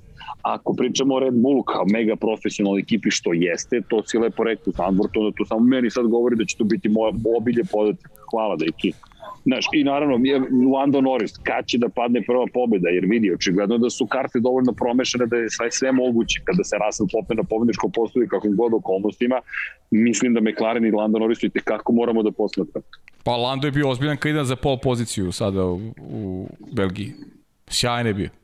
Da nije bilo tog incidenta, ne bi me čudilo da, da, da čak nekako sam, imam utisak da, da je bio najbliži Maxu Verstappenu. Ja. Ovde će biti dosta, ovde, ovde je važan, važan faktor, ovaj, mislim da će kvalifikacije biti mnogo važne zato što je staza jako uska. Jeste. Ovde sa ovim bolidima obilaženja u, u velikoj meri mislim da da nećemo toliko vidjeti. Znači imamo onu, onu čuvenu prvu Tarzan, Tarzan krivinu, treću krivinu koja je nezgodna, treća krivina u levo koja je takođe pod, pod nagimo, imamo osmu, devetu, desetu, to što je Srđan spomenuo, svaka tu greška teško da će bilo ko moći lako da se čupa sa strane. Ovaj. To je nešto slično kao, kao spletovi krivina u muđelu. Znači, ako, ako zakačiš zadnjim točkom prljavštinu sa strane, jako je teško ostati tu. Tako da imamo ovaj, dosta, dosta segmenata i nekih sitnica koji, koji će morati da, da, da se paze, jer kad dođemo do same trke, uh, mislim da, da neće biti baš toliko prilike za, za neka spektakularno bilaženje. Mazi, velika nagrada Holandije, ljudi, mi smo zaboravili kada je poslednji put održana velika nagrada Holandije, mi pričamo o istorijskom momentu iz te perspektive, ali i pokazatelju tome koliko zapravo kada pogledaš je bitan u celoj priči Max Verstappen. On je, on je bukvalno svoj sam vratio praktično trku na ovo mesto. Da nije njega u šampionatu sveta da se ne lažemo ove trke ne bi bilo. Ja ne pa, vidim da, da bi ona bila organizovana. Pa ne bi, ne bi ni Holandjani bili zainteresovani da, da nema Maxa Verstappena, to je popuno logično. Znaš, ali, ali ne, da ne zaboravimo i taj moment, to je prosto Zaboravili smo moment izgleda. Moment izgleda si... Trka koja je uniložena i lepo biti ovdje. Da, da. Pa, da, mislim, što se, pa, pa prekinuo se samo u trenutku, ali, da, ali da, sve, ok, skapirali smo šta si teo da kažeš. Da. Ali poenta je vezana za tu istoriju. Mi smo do 85 imali Zandvort, to je, to je vreme, znači mi pričamo o Seni, prosto Pikeu, Laudi. To je baš, baš, tako je, davno, davno prošlo vreme, tako da ovaj, ja jedva čekam, zaista, mislim, ja, ja se sećam tih, tih takvih nekih trka onako, ovaj, bio sam klinac, ali, ali sećam se Zandvorta, Zandvorta kao jako bitne staze na koju su išli. da, da, hvala. Pa, da. Ovaj, tako da, ono, baš, baš, baš, baš radovao sam se prošle sezone, nažalost, eto, nismo imali priliku da, da vidimo Zandvort e, kao takav, ali evo, sad, sad smo tu i, vreme, i nadam vreme. se da, da, će, da će opravdati ta očekivanja kao jedna staza koja je onako zaista trkačka i, i koja Čekaj. može da nam, da nam pruži uživanje vezano za, za, za vozačke performanse. Svako, pogotovo ja što nadam... su... Evo ga. Najav. Da, izvini. Pa ne, samo hoću da se nadam da ćemo moći da iskoristimo grafike, znaš, pošto mi sad, a, bravo, te za poster, evo, čak i ja, uh, čak malo ako, a, hvala. I, i, i nešto je dobro, Srki, i ako bude kiše, bit ćemo sad zajedno, tako da... Tako je, vidi, pa Sma, sad smanjen je, smanjen je rizik od toga da ovaj, napravim neki gaf, znaš. Ej, po, ma to, vidi, to se... A nije, Srđan je zadužen za reglere. Nije, Srđan nije, je zadužen za reglere. Slušaj, slušaj, slušaj, Paja, Kaž. Paja, šta je Paja uradio? Paja je pripremio sve da, da uskočim ja, očekujući da će se sve lepo složiti, da uskočim na vreme. I onda je, je odvojio da. zapravo prekidač za mikrofon, i obično je na kecu kada si sam, na mikrofonu 1. I Paja se prebacio na mikrofon 2 da ja se prikačio na dvojku da bi on ušao kablovi, kabinu. Da. Tako, ali pošto kablovi tako stoje, Paja je ugasio mikrofon jedan, na kojoj ja nema mikrofona. Ja ne znam što se pravdate sad. Ne, ja se, ja, ne, on pravda meni, ja se ne da, pravdam. Ne vidim Znaš, zašto. Ne, ne, ja, se ne, ja, ja, ja, sam, ja, sam, ja znam šta sam uradio, sam napravio grešku kako god greška je. Da, ali da, iza kulisa, da, ne, okej, za iza kulise to je to, ba, baš se tako dogodilo, to je ta priča, ali... Ali, ali, eto. Ali, ali, ali znaš šta je meni bilo da zabavno? Piše meni, piše meni Dom Pablo. Pa ja je ostavio upaljen mikrofon. Sve se A šta, pazi, ja sam, ja sam ja odmah dobio jedno, jedno 15 poruka na Instagramu sam dobio i bilo je tu, bilo je, bilo je zabavno, bilo, je svega, svega posle, da, da, bilo da, je zabavno posle. Da, ali ne, ne, ne, neće biti i pozdrav za gospodina Đankića. Đankić je, nažalost, Aleksandar uh, u karantinu bio tokom vikenda. Ove, zapravo, Pita, na šta mora kaže imaš? Na šta još mora kaže? Draganči iz režije koji odradio popuno profi stvari. Ja sam zato poslije zvao da. direktora da mu kažem, ej, ja sam napravio grešku, sve okej, okay, da znaš, nije niko iz režije. Draganči bio profi potpuno. Sačekao me da ja ugasim prvo regle, pa mi tek onda dao telefon da, da razgovara, znaš, i sve je bilo da profi. razgovara. Ali, pa da, zato što je, znaš, bilo pitanje, bilo je pitanje dok li će traje prenos, imamo šta će da bude sa programskom šemom, ali ja sam isključio pogrešan re, regler i, i to je to. Šta da radimo? To je kao kad uključiš, po, kao kad uključiš pogrešnu ringlu i čekaš ne znaš zašto neće prokuva vode, znaš. prokuvala, veruj mi, prokuvala društvene mreže. Prokuvala, baš, baš je prokuvala dobro. Nema veze, vidi, ali da, ali bit ćemo zajedno sad za Zandvort i to isto baš bit će sjajno. A, biće dobro, sigurno, jedno čekam, da. Vikenda, ej, vidi, bit će preklapanje, sad kreće ludilo preklapanja po pitanju raznih da, vikenda. Monce, Monce, Monce, Monce, već preklapanje, znam. Monce, preklapanje, Aragon tamo, Monca ovde i tako, bit će toga još, ali dobro, bit ćemo, bit će dobro, da, što Aragon, grafike. Aragon onda mogu, a da, ne, to, je, to su ti termini, da. Da, ne, to su ti termini. To se, ja, da, da, to, to su ti termini. A pripreme za podcast, pa šta ćemo sada sa, sa krugovima, da pripremimo strategiju, da pripremimo najbrži krug, da pripremimo grafikone koje koliko dobro vozio ta tri kruga. nije bilo nikakve izveštaje sa Belgije. Ne, pa nema šta mi, nema, nema šta. Momčilo, gde su krugovi? o Belgiji jedino, eto, jedino kroz ono, kroz to što smo, što smo kroz bili. istoriju. Da, evo, evo šta, je, šta je moglo da bude, da. Šta je, što je trebalo da bude, da. Šta bi bilo kad bi bilo? Ali eto, imaš da.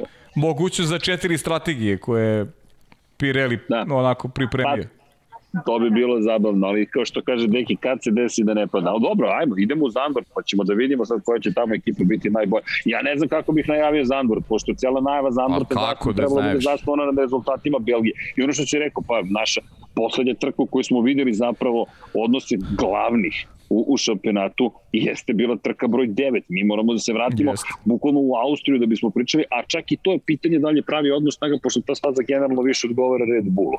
A od, u Francuskoj gde je iznenađenje bio tempo Maxa Verstappena protiv Luisa Hamiltona gde je pretekao i Bottasa i Hamilton, da to je otpazi, to je o, o, o, mi pričamo sedmoj trci šampionata, a mi smo sad završili 12. Mi ni u Belgiji, ni u Mađarskoj, ni u Velikoj Britaniji ništa nismo dobili. Ja ne znam kako da radim zabor, to što da kažem, bit će E, a mogu samo, samo, samo jedna, i mora napravim jednu digresiju u tvom stilu, ovaj, vezano za, a, vezano za Belgiju, ja bih Belgiju zatvorio sa sa čovekom o kome evo i danas pišu mediji, ne bih volao, niti ću pričati, prenositi informacije vezano za njegovo zdravstveno stanje o kojima se piše i ovih dana, već da zatvorimo Belgiju sa time da je pre 30 godina, 25. augusta, debitovao Mihael Schumacher u, Be u Belgiji i da je Mick da. Schumacher imao repliku njegove kacige od pre 30 godina yes. i, da, i da neke eto i poslije informacije govore o tome da u stvari izija Matija Binota to jasno sugeriše da će Mick Schumacher i naredne godine voditi za ekipu Hasa, rekao je da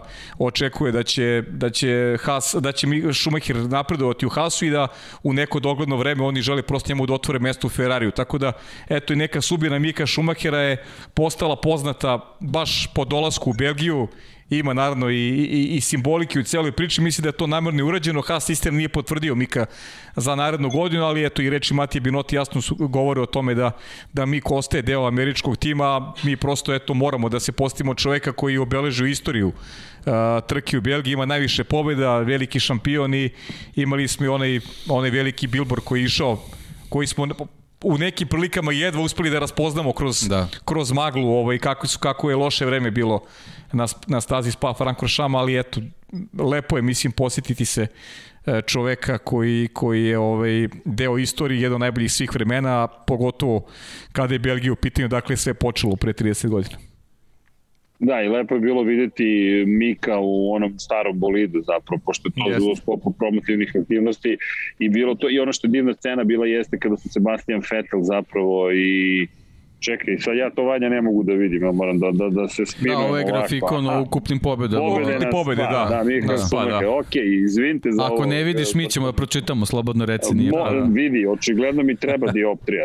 Mihael Schumacher mogu da Michael pogodim Schumacher 6 pobeda, Ayrton Senna 5, Jim Clark, Kimi Raikkonen i Lewis Hamilton po 4. Da, to mi da. Tako je, to da. je to. Dobro, dobro, dobro da, služi mi, ja, još uvijek. Tu je Schumacher ono, sa, sa onom jednom spektakularnom 95. kad je Jeste, u pljusku sa slikovima vozio, tako je, tako je. Ne, tako to je čuvena da, sezona, da. Benetton Renault, Hill na pol poziciju, Benetton u Williams Renault, moment kada misliš možda može da ipak uzvrati udarac Schumacheru i on odveze kao što ti kažeš trku. Tada i počela se priča kao kišnom čoveku da, uh, da. Sa, sa, o Mihaelu Schumacheru. Evo, pa je od, ovog, od ove Belgije kišni čovek. Tako pa da, ne, tako da, ne. često, čisto da. da zaključimo tu priču o Belgiji, e, često u yes. pričama o Belgiji dođemo do kiše. Recimo i Sebastian Vettel 2006. u svetskoj seriji Renault imao je ozbiljan incident po kiši na prvu, u prvoj trci svetske serije Renault, on je tad mogu da ostane bez prsta.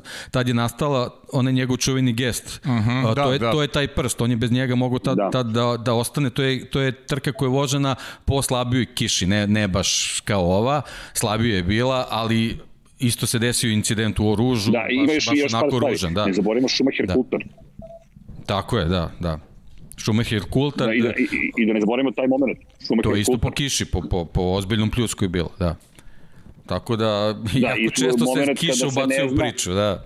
Da, ali da li je Kultar pustio gas planski, pa se u momentu kada ga je preticao za ceo krug Mihael Schumacher skucao njega, pa je htio malo da se razračuna u garažama, ili je zaista napravio veliku grešku Mihael Schumacher i još jedna kiša 1998. je li tako beše, kada je Damon Hill zabeležio pobedu za Jordan ispred Ralfa Schumachera, yes. prva dvostruka pobeda. A, pobeda, da, sledeće godine karambol, onaj karambol da, da. na startu, ili to te Jeste, godine? Te, te. E, to da, je te da. godine, te godine. To je te, to je te godine. To, to je taj čuveni karambol. Tako da, svašta se na, u Belgiji dešavalo i organizatori su trebali da budu spremni na to, ali oni jednostavno nisu odreagovali. Pa nisu čitali, ono što čitali te istorijske knjige prva knjiga krivina, rekli smo, bit će drame. Samo nismo baš očekivali ovakvu vrstu drame, da o ruži bio drama i to se priča da će tamo Radilion i o ruž da menjaju, da će otklizne i zapravo zastavni putevi biti, to je to otklizne zone da će biti zapravo proširene. Pa to je ono Hamilton što je pričao. Da, da deluje kao da taj prilaz u ružu kao da nije asfaltiran, da mu tako izgleda, kao da, da, da fali, da yeah. fali asfalt, ono, znaš, da, i zato se taj zadnji kraj bežao. Po, jeste video, jeste videli incident uh, kod devojaka? Da, da, u kvalifikacijama. Da, da. Znači, neverovatno, na, na isti način je, je njih pet prošlo kroz pobegao zadnji kraj i bukvalno su, one, one su se sudarele u rikverc. Da. Bukvalno. Da. I onda ne znam ko je bila poslednja koja uletela direktno u, u, u, u celu priču i, i napravila, napravila haos. I dobro su i prošle devojke, dve su završile u bolnici, međutim sve je prošlo kako treba. čak smo imali, rekao bih da je, da je najlepša trka koju smo gledali tog vikenda bila u Formuli W i, i neverovatna pobeda Eme Kimelinen, zaista je vozila sjajno, kao da je, kao da je bukvalno ceo život i vozila po kiši, rekla je da su i ta iskustva iz kartinga bila presudna kada, kada je ova trka u pitanju, da je sve što je učilo u kartingu da je primenila. Da, tamo, da je primenila. Vozio si karting u da. Belgiji tamo pored staze. Bilo je zaglavljivanje i sa kartinzima. Da, da, da i oni su je, izleteli, da. da. Svašta se radilo tamo i, bo, i, i boćalo se, igro se futbol, ali to je ono što si rekao. E, ali čekaj, a samo, samo ono što treba se nije radilo, da. Da, a Formula A Formula 3, 3 da, Jack Formula 3 Jack Duan za dve pobede. S tim što si imao trening na prvoj, tako, veše sa dužinom. da, da. Da. Formula 3. Da, i Jack Duan, samo bih pohvalio, mi smo Haugera već videli kao šampiona Jack Duan, uzvrati udarac čovjek. Pa eto ga na 23, koliko poena za ostatak? Dakle, imaš, Dobro, i Hauger u, u trećoj trci je bilo... Ne, Hauger u trećoj trci bio sjajan, ma ne, Hauger je... Izuzetan. Pa ubile su ga kvalifikacije. Da, da. Ubile, po znacima navoda, Da. Kvalifikacije su bile katastrofa. Vidi, pa, raspoložen si, to ono što je čovjek rekao, ajmo malo strasti i tako dalje. Strasti nam ne manjka rebrnite. Pa, da, ali da, da činjenicu Hauger napravi veliku grešku zapravo u subotu. A inače, Đera šalje još 15 dinara, kaže, zna se ko je King of Spa, zna se ko je King of Spa, kralj Spa, e, bio bih Šumacher i, i, i, Znaš šta je, Srki, šta je, šta je recimo odredilo, eto, koliko ti detalji koliko tajming e, može, koliko je važan generalno u životu, ne, ne, ne samo u sportu. Tajming, Poče... tajming je kritičan, da. Da, početak kvalifikacije za Formulu 3, ne znam da li si deki ispratio. Jack Duan koji izlazi prvi na stazu. Kako Jack Duan da. završava krug, tako pojačava kišu u srednjem sektoru. Nijedan vozač nije mogu da ispare rezultatu Jacka Duana do kraja kvalifikacije. U srednjem sektoru svi su gubili ogromno vreme u odnosu na Jacka Duan. Znači, taj njegov prvi krug, činjenic izašao prvi na stazu, je, je definisalo kompletan trkački vikend. Jer on imao dve pol pozicije, obe iskoristio, došao do, do dve pobede i, i smanjio za ostatak u odnosu na Haugera. I to je to. Eto. koji se za razliku od njega nije snašao Nije se snašao, loš tajming izlaska na stazu je bio. Znači, Jack Duan je pogodio sa tajmingom, on i njegova ekipa. Mi smo u Haugerim vožnju videli, videli da njegov automobil imao tempo. Imao je tempo. Ali jednostavno kvalifikacije baš, baš ove pogrešni trenutak. Pa mislim, realno, Denis Hauger je tu najjači, realno. Ali ovo je ovakav vikend gde, gde nije osvojio dovoljno bodova, a Jack Duan moglo bi da zakomplikuje poziciju i, i, i super je što ćemo imati lep, lepšu borbu uh, sada ovom trkačkog vikenda u Zandvortu, pošto Formula 3 uh, se seli takođe u Zandvort. Biće zabavno. Biće sigurno. Kao uvod, kao uvod u Moncu, ba ne, biće spektakularno. Ne, ne, ne, nemoj to da govorimo, to smo prošli put rekli za Belgiju, znaš, svi smo najavili, biće spektakularno, biće savršeno, to je spa, jedva čekamo, četiri nedelje pauze, la, la, la. Sad imamo pet nedelja pauze, a imamo pobednika bez trke. Ok, čudna situacija. Držimo palčeve da će biti uzgodljivo i da, da se, Aj, da se blago ogradimo u celoj situaciji. pa ne znam šta bolje da kažem, veruj mi, s obzirom na činjenicu da je zaista nemoguća misija. Znaš, došli smo u situaciju da ne znam, znaš, svašta smo predviđali, da će biti ponovo incident između Luisa Hamiltona i Maxa Verstappena, da će to biti žestoko između klubskih kolega, da očekujemo McLaren da se umeše u najviše pozicije. Ferrari, ko zna, možda negde iznenadi ponovo na nekoj sporijoj stazi. Znaš, sve to je nekako bila najava, ali najava svakako nije bila da će imati najkraću trku u istoriji, to je zvanično najkraća trka za 71 godinu u šampionatu sveta, 3,5 minuta je trajao. Mislim da je, da je najbolja ona definicija koju sam rekao, najduža, najkraća trka u istoriji. Da, da, da, to je to. Iako nije bilo trka. To je kišni maraton za 3,5 minuta trke. Da, da. Dobro, to je to. Vidi, zna se ko je vozač dana. Deo istorije. Bear Mylander. Da. Ne, pa Živković je vozač dana, nema tu šta. Nema šta da se diskutuje, zna se ko je pobedio ovog vikenda, ali stvarno svaka ti čast. Sticam okolnosti znamo koliko je sve to zahtevno, ali opet, znaš, kada se takve stvari dese, to je ali, to ali u tim, u tim kišnim da. krugovima se videlo Bern, Bern Meinlander koji vozi na, na, na ivici i Max koji lagano iza njega. Da, da, da, tu se stvari vidi ta veličina, u stvari yes. Formula 1 i, i to tehnološko dostignuće koje se zove Formula 1, on, on kao da stoji da. iza njega, a vidiš da čovjek na, na ivici vozi, ne bili im omogućiti taj tempo koje je automobil, da, ono, je, da, ono je da, sportski da. automobil, vrlo ozbiljno. Da. Tako da i, Ali meni, i, i mogao. to, to je u stvari naj, najupečatljiviji deo čitave priče, da vidiš da, li- da li Max uopšte može da ide toliko sporo koliko ide brzo Ben, Da, Ben da, da da ide da li je mogu toliko Ja. sporo koliko ti ideš brzo? Da. Da, to je Tako da, pa to je baš bilo Ne, zabavno. ali, ali ima tu problema koje je pitanje da li mogu da se reše. Znaš, ne samo pitanje helikoptera, već tih kišnih guma, koliko količinu vode ne izbacuju. S jedne strane izbacuju toliko mnogo, s druge strane ne izbacuju dovoljno pošto ti dalje suviše opasno da ti voziš u tim uslovima, a da ne govorimo o onima koji se nalaze iza, oni ništa bukvalno ne vide. Da, niš, pa to si pričali, momci, Ja ne vidim rešenje. Znaš, pa kako ćeš da rešiš? Ti, ti da bi obuzdao te mašine s tim obratnim momentom, tim konjskim snagama, moraš da imaš ogromnu zapreminu kada je reč o šarma koji, i količini vode koji izbacuje. A čim to dobiješ, onih koji se nalazi iza, šta, šta ćemo s njima? Šta se dešava?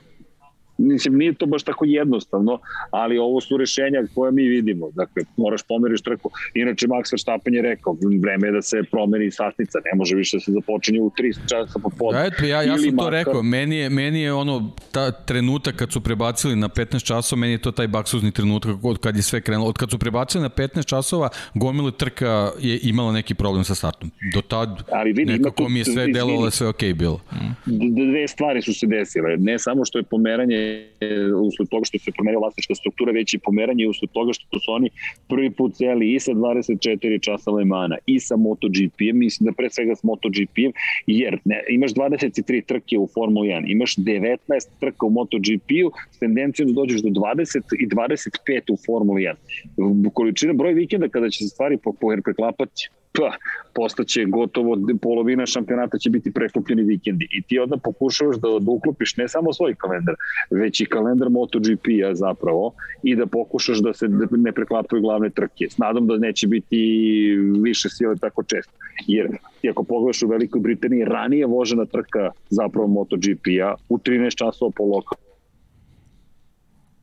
vremenu, da bi bilo u 14 po centralnom, onda formula mogla da krene od 15 časova i ja ne vidim da će oni to uspeti da reše. Previše imaš takmičenja a, za, za tako malu količinu televizijskog prostora. Prosto nemaš, kako ćeš da spakuješ sve te šampionate i da se niko ne preklapa. Pa to je, ali, ali kad, kad uh, uh, ti komercijalni uslovi krenu da diktiraju, uđeš u te probleme, tako da sa, sa ovoliko trka u kalendaru sve jednostavno postaje začarani krug, ne, ne, ne, ne A možeš jednostavno pride da dodaje ispevaš iz toga. COVID na sve to. A Pa, dodaje da, COVID gde je- ti sad ne znaš je datume imaš uopšte. I onda imaš celu igranku zapravo i oko nemoguće misli. A mislim da se ti pogodi se, kako se rekao, i COVID je, ljudi bi razumeli da je ponedelj, da je pomerena trka na ponedeljak. I mislim da su to jedina rešenja. Da moraju da počnu da planiraju na takav način. Niko se od nas neće buniti. U krajnjem slučaju preživjeli smo svi zajedno i policijske časove i zatvaranja i nemrdanja i, i zatvaranja granica. Još uvijek je ludo vreme i to je neki izlaz svima nama da kažeš ok, dalje smo normalni, dalje imamo nešto u čemu uživamo, u čemu što nas čini srećnim i onda ti to neko oduzme. Ne, ne može, moraju da budu sposobni Pa, od toga. Mislim, bukvalno to je zakon. Rekao sam na početku, u, u nekoj drugoj sezoni gde je dominirao Mercedes ovako nešto možda ne bismo ni, ni komentarisali previše. Pričali bi o tome kao anomaliji, kao nečemu što ne sme da se dogodi, ali ne bi tome posvećivali toliko pažnju. Ovo direktno Da, moguće, utiče na ishod šampionata. Zato, Da, da, ovo je- smo jer imamo strašnu sezonu, a ljudi koji vode organizaciju ne pronalaze pravi način da se, da se, da se, da se uhvate u košta sa, sa problemima. Znači, da. kad god se pojavi problem. Tako, kad god se pojavi problem, mi kao da idemo korak unazad. Kao da, znaš, ono, tapkamo u mestu, u mestu da se problem rešava. Kao da ne postoji neko ko, ko je spreman da reši problem da kaže, ljudi, ok, doneli smo odluku, sutra se vozi trka, doviđenja prijetno. Ne, pitaj, ne pitajte ništa i idite sada u hotel, bit će vam troškovi nadoknađeni, spremite se, sutra je trka, doviđenja. I to je to. E, ali Izvini, takav čovjek ili- ili ne nema postoji. trke. Ili, Ili nema, nema- trke. nema trke, Takav da. čovjek očigledno ne postoji. Tako, nema tako. te vrste autoriteta. Tako je. I to je to. Postoji, ali više ne radi kao izvršni direktor Formule 1. Uh, Da. Ali da. Pa, Inače, da. Đera 7 kaže, Kimi je King of Spa, moj crk i finska zastava, smiley 500 dinara, hvala. Dobro, Hm. ako vi tako kažete, jeste Kimi, Ko, a, Kimi je nevjerovatan ko? na spa. E, e, e, Ema Kimilainen ili? Ema Kimilainen ili? finci, finci, da, da, da. E, ali vidi, jeste Kimi u jednom periodu bio nezaustavljiv. Dakle, Jest, onaj jest. period tamo, McLaren, Ferrari, stvarno je bio nevjerovatan na spa, ali ima tih nekih ljudi koji su svašta radili po Belgiji, pa je uključujući i izvrtanje ili ne, nedavanje potpuno istit, ne potpuno istinitih, potpunih informacija. Kako beše priča za Mihaela Schumachera kad je Jordan trebalo da ga angaže, jel dečko vozio spa? Jeste, ali na biciklu, Da, tamo su to da, izostavili. da, da, jeste, jeste, jeste. Na biciklu nije tako beše neki, nije vozio Jeste, jeste. u bolidu Da, da, Formu da. 1 ili sportski, Da. to je vozio biciklu, pa okej, to se Nećemo računa reći da, je- da, je- da, je, da su rekli laž, nego su rekli neistinu. Da. E, O, u pa stvari, ne, a- ajmo, nepotpune ajmo da budemo politički korektni, oni su, oni su zaobišli istinu. Tako. Zaobišli su istinu, ajde budemo politički korektni. Odgovorili Nisu su. lagali, Da. nego su zaobišli istinu. Tako je. Da, a inače ove promene kalendara, zašto, zašto, zašto će ovo biti ozbiljan test? Samo da to ne zaboravimo iz perspektive borbe za titulu šampiona sveta. Takve su promene kalendara uz dodavanje Katara. Ljudi, toliko će zgusnut biti raspored. Većina tih država je na crvenoj ili žutoj listi država za Veliku Britaniju. Uh, 90%, ne 90, 70% ljudi radi u Formuli 1 koji stanuju u Velikoj Britaniji i onoga momenta kada napuste kuću da bi krenuli na tu globalnu turneju ti ljudi se više ne vraćaju kući. To nema zaboraviti. To je ozbiljan test za sve te ljudi i porodice. Možda to deluje kao sitnica, pa kao ok, kreneš zabavno je Formula 1. Pa, koliko je zabavno kad ti znaš da porodicu nećeš vidjeti, kod da si otišao na podmornicu, jer mi onoga momenta kada krenemo, Turska, Amerika, Meksiko, Brazil, nema vraćanja u Veliku Britaniju, pa onda dolazi Katar, Saudijska Arabija, Abu Dhabi. I bukvalno ćeš krenuti krajem septembra i porodicu ćeš vidjeti negde krajem decembra tri meseca si na putu. Sad, to turneje kao da si, ne znam, u kulturno-umetničkom društvu koje amaterski putuje po Sjedinjim američkim državama, autobus, ali to nije šao. Znaš, i to će biti ozbiljan test za sve njih, jer ti si samo na putu. Nema više kući, ne možeš da uđeš u Veliku Britaniju. Mislim, osim ako ne želiš da ostaneš. Pa da, slažem se s tobom, da, to će biti ozbiljan test, ali, znaš, mislim da to su neke situacije sa kojima se uh, većina Ne samo konstatujem koliko će to ali biti test velik za timove. Da, da, snalazi hoće nego, svako, to pa je- da, nije, nije sporno. E, vidi, to ti je ona greška koja je sporije zavrnuo Pa, točak. I da ne zaboravimo, deki, pit stop nismo ni videli. Sad ovo E da, bravo, do da, 0,15 da, tako sekundi. je, jeste, Da. 0,5 nismo videli, da, opet i to je neko pravilo novo koje ćemo ovaj, koji ćemo videti u Besmisleno. Zandvortu, nadam se, da. Da, a pričamo o trci. Pričamo o trci, da. Ispričali smo se mi skoro dva sata o trci koje nije bilo. Ispričamo Kaži. se, koje nije bilo. Pa dobro, ti si pričao 4 sata o trci koje nije bilo. Komentarisao si trku koje nije bilo 4 Komentarisao sam, pa dobro, bilo e, je- nije, bilo je- bilo je 3,5 minuta. Bilo je zabavnog, zabavnog sadržaja je bilo pored, ovaj. pratio sam futbol, Jeste. pratio sam E, svašta nešto, znaš. Ljudi, ja sam dobio komšije koje pričaju sa svojim unucima, ovaj, tako da e, mesto koje sam otio dobar signal mi je a, upravo zauzeto, pa, pa ako nećete da se uključimo u porodične razgovore, a, a i vreme je polako da se, da se Pita ih pozdravlja. za zdravlje, pita ih za zdravlje. ali Pitaću, pitaću su gledali Formulu 1 Su gledali formulu na, na sport klubu? i to na sport klubu, na, na, sa EON platformom, tako da je to sve Da, da, moguće. to ti kažem. To U ti svakom kažem. slučaju, da, evo i gasi svetlo ovde. Ostao smo mi bez rasvete. Ništa, ljudi, mi- a, mi će- mi ćemo Mnogo da si glasan bio, izgleda. i odgovore, da povedete O, šta da, mi, će, mi ćemo da pogledamo pitanje šta ima i ovaj... Teraju me. Ajde, ništa, vidimo se, ovaj, vidimo se u Ove, petak. šta da vam kažem svima? Vidimo ljubite se, mazite u se. mi Već, a mi opet, Ček, Nisi rekao da pa se ček, ljubite, se mazite, se vozite računa. da Ne, molim te. Ljudi, vodite, računa, vozite računa jedni drugima, mazite se, pazite se, radite neke dobre stvari, pozitivne, pošaljite like. Evo, ako ništa drugo, sad ću emotivno, ono, zbog paje, zbog paje i zbog legendarne kultne izjave koja je otišla u eter, mora malo pajo ipak. Ne, ne, A ne, ne primam ja, ne, ne, ne nije repostujemo ovaj, taj snimak, pošto da nema potrebe baš toliko daleko idemo, ali stvarno svaka čast za sve što su uradili, stvarno skidam kapu i koncentracije i sve e, fenomenalno. Pa dobro, što se nas jednom momentu je koncentracija popustila, ali dobro, ajde. Malkice, malkice. Nećemo se vraćati, Ali nećemo. sve- nećemo. A vidi, dešava se, to je sve normalno. Kažem ti, Jeste. parafrazirao si velikog šampiona, ništa drugo. Pa šta. Ove, tako da, o, udarite subscribe, udarite like, patreon.com kroz Infinity Lighthouse za jel te, podršku celoj ekipi i mi se nadamo da ćete biti sa nama, a ostanite naravno pitanje i odgovore, ja neću biti tu pošto će sad sve da pogase ovde, ali to je okej.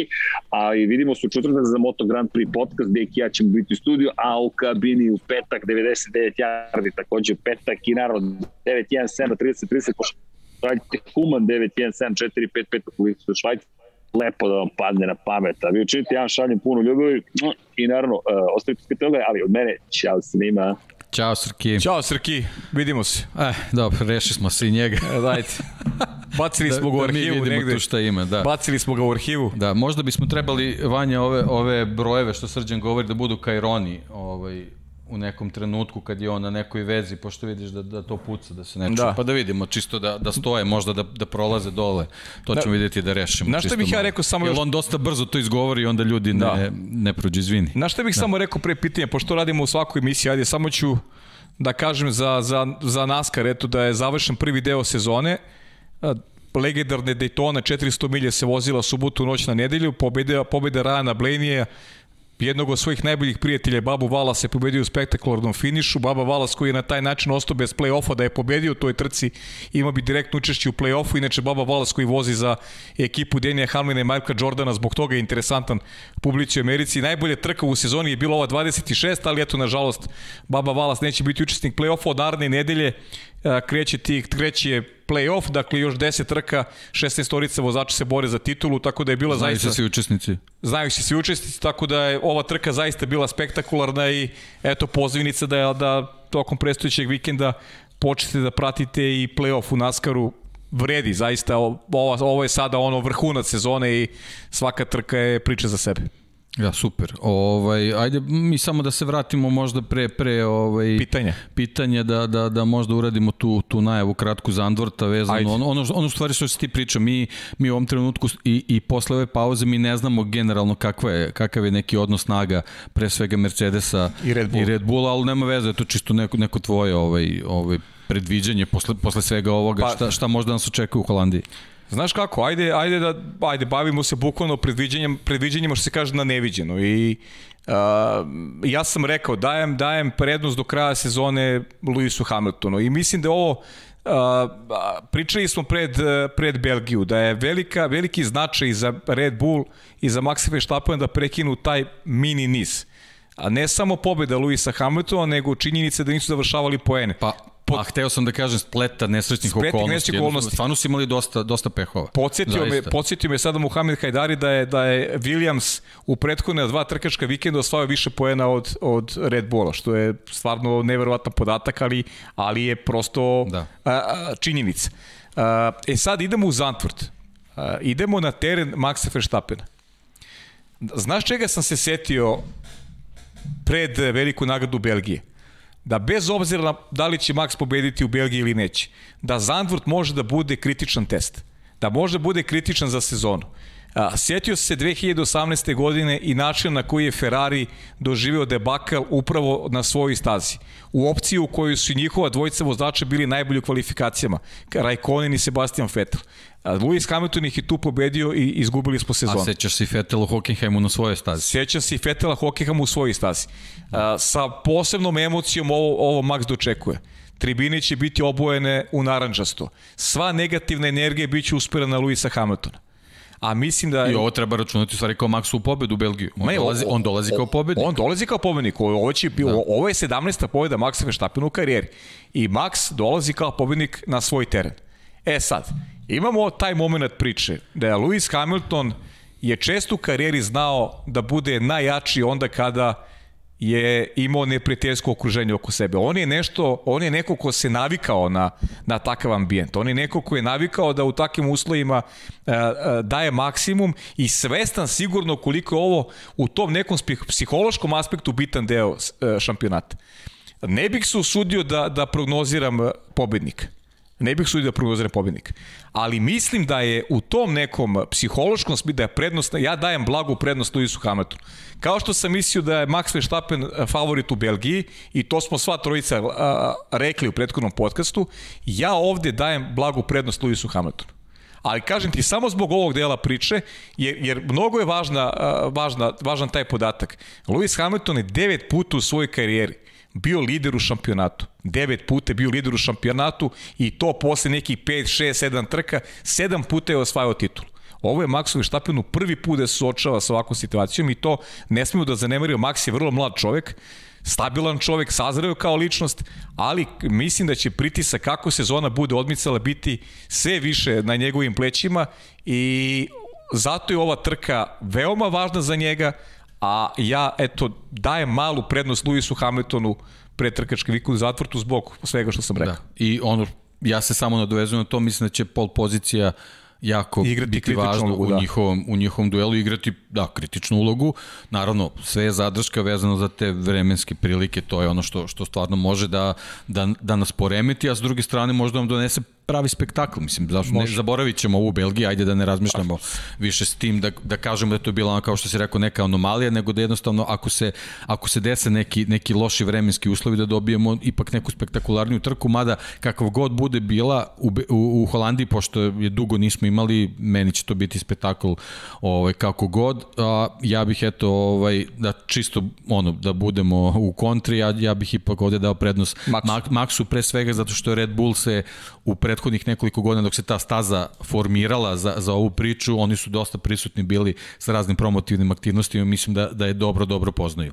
Hoće ti kaži nešto? Ja bih volio da si ti u pravu. Da. Zbog sezone. Vidjet ćemo, pa da, da. Ja, bih ja, ja u da principu zbog toga, zbog toga i navijam i, i voleo bih da zbog, zbog čitave priče oko te konfiguracije koja je vezana za, za vozačku meće, voleo bih da vidim u pravom sve, svetlu Landa Norisa, uh, Georgea Russella i recimo Carlosa Sainca. O, o, on mi nekako tu, tu nedostaje u čitovi priči, a znam, znam da ima potencijal da to može da uradi, pošto staza nije spektakularno brza, možda Ferrari tu, tu nešto može da, da uradi. Da.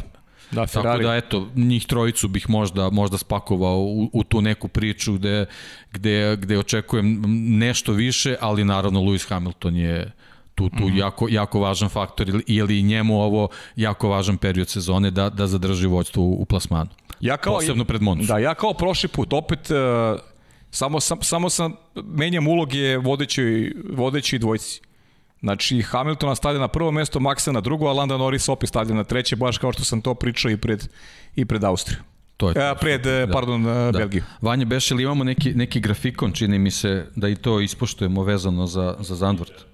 Pa da, ajde, ajde da vidimo i taj video o, vez, vezan za stazu u, u Zandvortu. Ovo je onaj klasičan naš Brembo video gde imamo najvažnije tačke kočenja, pre svega u stvari najvažniju tačku kočenja. Second vidimo start, e, po meni Tarzan krivina, sta, e, krivina broj 1, krivina broj 3 i krivine, znači 8, 9, 8, 9, 10, to je onako što je po meni jako, jako važno i evo, evo imamo ovaj najvažniju tačku kočenja na, na krivini broj 11, to je, to je jako, jako usko, tako da je veliko pitanje da li, da li kod te tačke možemo da očekujemo ne, neke ovaj, neka preticanja, ali, ali generalno evo vidimo, znači zaustavni put je 105 metara, 2,25 sekundi traje kočenje, 139 kg je pritisak na pedalu kočenja i vidimo da je, da je negativna sila 4,8 G, što je, što je zaista ovaj, jako. I ovde sad vidimo nastavak, ne vidi se kroz, kroz, ovaj, kroz ovaj video, oni izlaze na, na dolaze do Lajenda i krivine koja u stvari praktično ovalna, kao, kao krivina na ovalu ima, ima veliki nagib, tako da biće jako interesantno, to je nešto s čim, s čim se nismo susretali u Formuli 1, tako da kompletna njena konfiguracija, te krivine sa nagibima, onda neka, neka, neki taj tradicionalni izgled staze prilično je uska, ovi, ovi bolidi su ogromni u odnosu na bolide iz 85. kad su, kad su trke vožene, tako da mislim da možemo da dobijemo neku novu, novu perspektivu kad je reč trkanjima Formula 1, naravno zadrška samo da nas vreme posluži. Da. To je ono što je ključno. Pa slušaj, ja sam, ja sam imao, imao sam tu privilegiju da radim trke DTM-a sa ove staze meni je u DTM šampionatu delovalo da je staza uska a kamoli u šampionatu Formule 1. Dakle, potpuno delim s tobom stav da je uh, i jasno je to, to i po konfiguraciji po, i po širini staze uh, da, da je mnogo bitno kako će izgledati subota i šta će vozači napraviti. Da, i mislim da će jako biti ovaj ključan start, posebno zbog te čuvene Tarzan krivine, mi smo tu u prošlosti mnogo, mnogo duela imali, tako da ovaj, njen sam takođe nagib i, i, i ovaj, uh, splet koji, koji posle toga sledi gde je jako važan izlazak iz te krivine, mislim da tu možemo ovaj, da, da dobijemo neke neke zanimljive duele, ala duela koji smo imali na staroj krivini na Hungaroringu, dok je sad nisu malo proširili i, i povećali radijus. Tako da ja, ja verujem da, more, da može da bude zanimljivo kao sklop da. ove staze i bolida nove generacije. Tako da vidjet ćemo. Ja, ja, ja navijam za dobre trke i, i zaista se ovaj, nadam tome kao što smo se nadali u Belgiji. Pa, ali, da. ali dobro, sad više ne smemo ništa da, da govorimo napred. Ništa, samo, tako, samo da, da se nadamo. Na, nada, da, nada je ključna reč posle ovog što se dešavalo u Belgiji. Tako je. Tako je. Ništa ako se slažeš možemo da pa krenemo. Pa možemo da ovaj, da krenemo pitanje da ajde. Hoćeš ti prvi pitanje, ili ja? Evo da, imamo ovaj samo samo da vidimo, ovaj imamo o, jedno pitanje vezano za donaciju. Stefan Lazarević, hvala Stefane, 370 dinara. Uh, pozdrav, ta, samo tako nastavite, šta mislite o stadi Džeda? Uh, pa Džeda staza onako, meni je bar što sam video tu, da. da, video sam tu konfiguraciju, to mi je neki spoj Bakua, Jeste, da, to je. ovaj, uh, Sočija, to je nešto, nešto u, u tom fazonu pa, brzo, sa, sa dugim krivinama, stas, dugačkim pravcima, tako da biće brza, ima taj neke, mm. neke spletove krivina, sad ne znam koliko tu možemo da dočekamo neka spektakularna obilaženja, ali generalno je nešto što možda na taj način nema u Formuli 1, pa zbog toga može da bude interesantna je. Sad, naravno, dok, dok bolidi ne dođu tamo, dok to fizički ne vidimo kako izgleda, ne možemo to da, to da pričamo, ali ovaj možemo da da očekujemo velike brzine. Sad da li to svaka. da li ćemo tu imati sad neka neka neka specijalna preticanje, neke pozicije, to je sad teško reći. Znaš šta je važnije? Važnije je da bodovna razlika između dvojice najbolje bude mala. Pa onda Tako ćemo je. onda ćemo sve da progutamo, šta god da se bude dešavalo. Kaže Dorijan Tiček, pozdrav za ekipu u studiju, ne znam ili ste spomenuli, ali šta mislite, da li bi, šta bi bilo u stvari da su kvalifikacije bile po suhom, utrke ovakva, kak, ovakva kakva je bila, Mercedes i Red Bull bi zauzili prvih četiri, dobili većinu boda, do koje manje ekipe ne bi imale priliku na kraju, Russell ne bi bio na drugoj poziciji, pa mislim mogu, možemo da se složimo sa tobom, to je, to je to uglavnom, verovatno bi se tako stvari odvijele, mada ne mogu da garantujem, moram ti reći za za Serhija Pereza, a Valtteri Bottas sigurno bi bio među četiri s obzirom na kaznu koju imao pomeranje pet pozicija. Svako možda bi osvojio neki poen ovako Valtteri ne, Bottas. Ne, ostaćemo uskraćeni, uskraćeni, ono što si ti pričao, očekivali smo do, dobro izdanje ovaj Landa Norisa koji je koji mislim to to stvarno treba treba spomenuti, treba ga pohvaliti. Mislim on je na početku vikenda stvarno bio sjajan i i meni je mnogo žao što što nismo dobili Williamsa u trci da vidimo dokle su stigli sa svojim potencijalima. Jeste.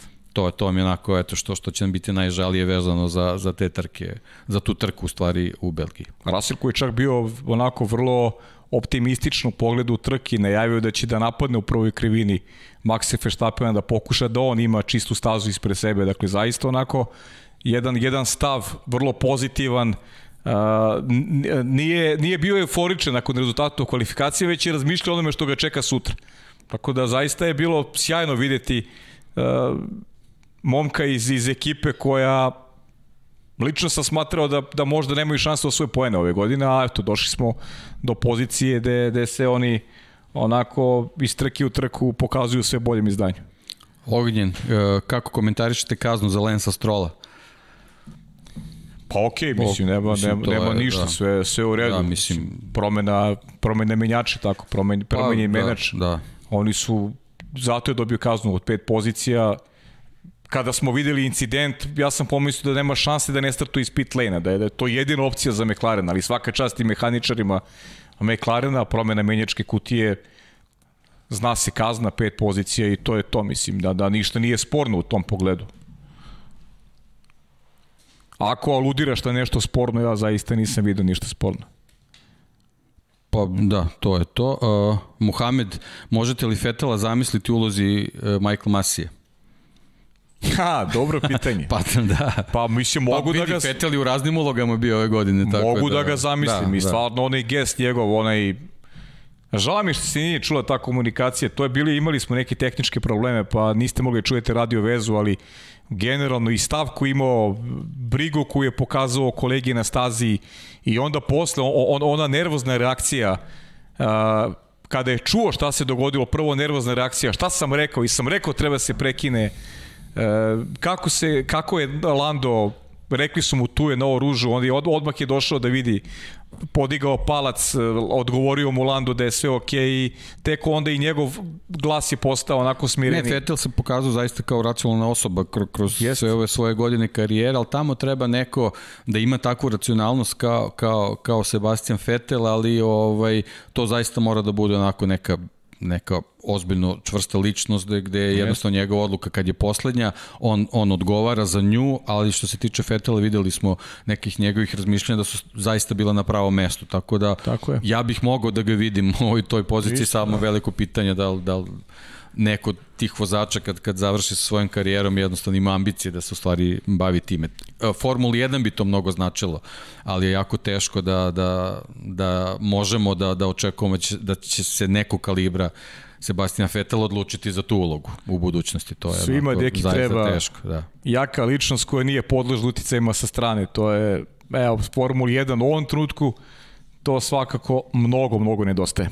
Nažalost, ni ne nazire se da bi to, da bi to neko mogao da bude, ali dobro, ajde o tom potu, te smo teme već, da vidimo šta kaže Muhamed ponovo, trebali su voziti jedan sat ako treba iza sigurnosnog vozila kako bi malo obradovali publiku i čekao puni 3 sata ako bi se koji pa dobro to su sad Muhamede neke stvari mislim da je isti ako će da vozi sigurnosnog vozila sat vremena isto je da li će voziti dva kruga ili sat vremena nema ko je draž gledati momke kako se vozi za sigurnosnog vozila, da li dva kruga ili ili ceo sat, mislim da da je potpuno da je potpuno sve. Ne, poenta priče je samo šta su očekivali da će se desiti sa vremenom. To je to je u stvari ključno ili jednostavno o, o, sa tim njihovim svim sofisticiranim sistemima bilo je potpuno jasno to, a to to je kasnije se vremenom i pokazalo da tu nema nema šanse da se da se situacija da. popravi posebno što je počelo pada veče jednostavno Jeste. morali su samo to da preseku, da, da, da, da trke ne bude, da, da se ne dodeljuje ta, ta farsa od bodova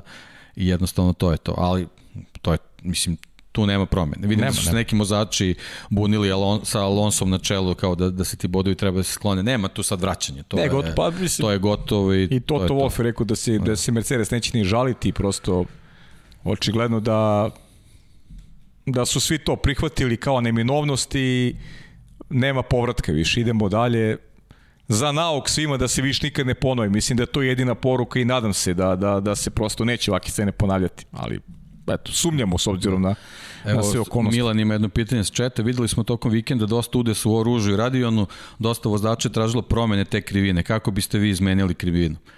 Pa Ta ja krivina, pa, pa ne, kako da je promeniš? Ta krivina ako se promeni, to jednostavno gubi draž. Jest. To ovo je jednostavno bila takva situacija na, na spase od, odavno su se dešavali dešavali udesi. Mi smo imali jedne godine, sad, sad možda ću pogrešiti godinu, sad nisam siguran da 95. 96. tako negde u tom periodu možda možda tako neko, da, da, da ne nabrem više godine, nisam sad uh mhm. -huh. siguran kako je bilo, išlo se uh, još uh, u levo, pre, pre, pre izlaska, iz, u stvari na izlasku iz oruža, pre, pre uspona, išlo se levo i tu se pravila jedna šikana.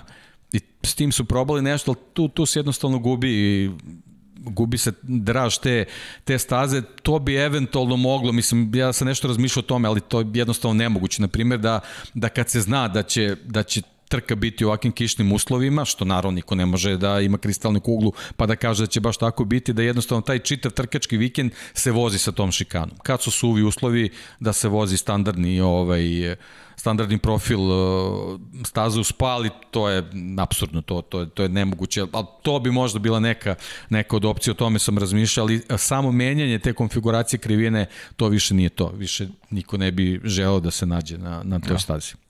A to ono što ste da pričali, je... pričali ste i o podcastu, pričao sam ja tokom prenosa, ta, ta, ta tragedija i tragedija posle koja je izgubila život Natali Maje, koja je žena koja je imala ideju da uloži i dodatna sredstva u tu stazu i da je, da je osposobi za učešće u MotoGP šampionatu planirala, izgrad, planirala i izgradnju tribina, baš na, tu na Radilonu i na, na oružu dodatnih tribina, tako da možda bi se s godinama ne, nešto promenilo, ali mislim korekcija te, te tog pravca, dakle te krivine mislim da je to onda bi bila staza Spa Francorchamps. Ne bi imala, ne bi imala ovaj, tu prepoznatljivost koje krasi e, maltene kroz istoriju, tako da a, ono što si ti rekao, prosto treba se prilagoditi majci prirodi. Znači, to je jednostavna matematika, a ovog puta smo imali jedan onako disbalans u onome što su projekti vozača i onoga što je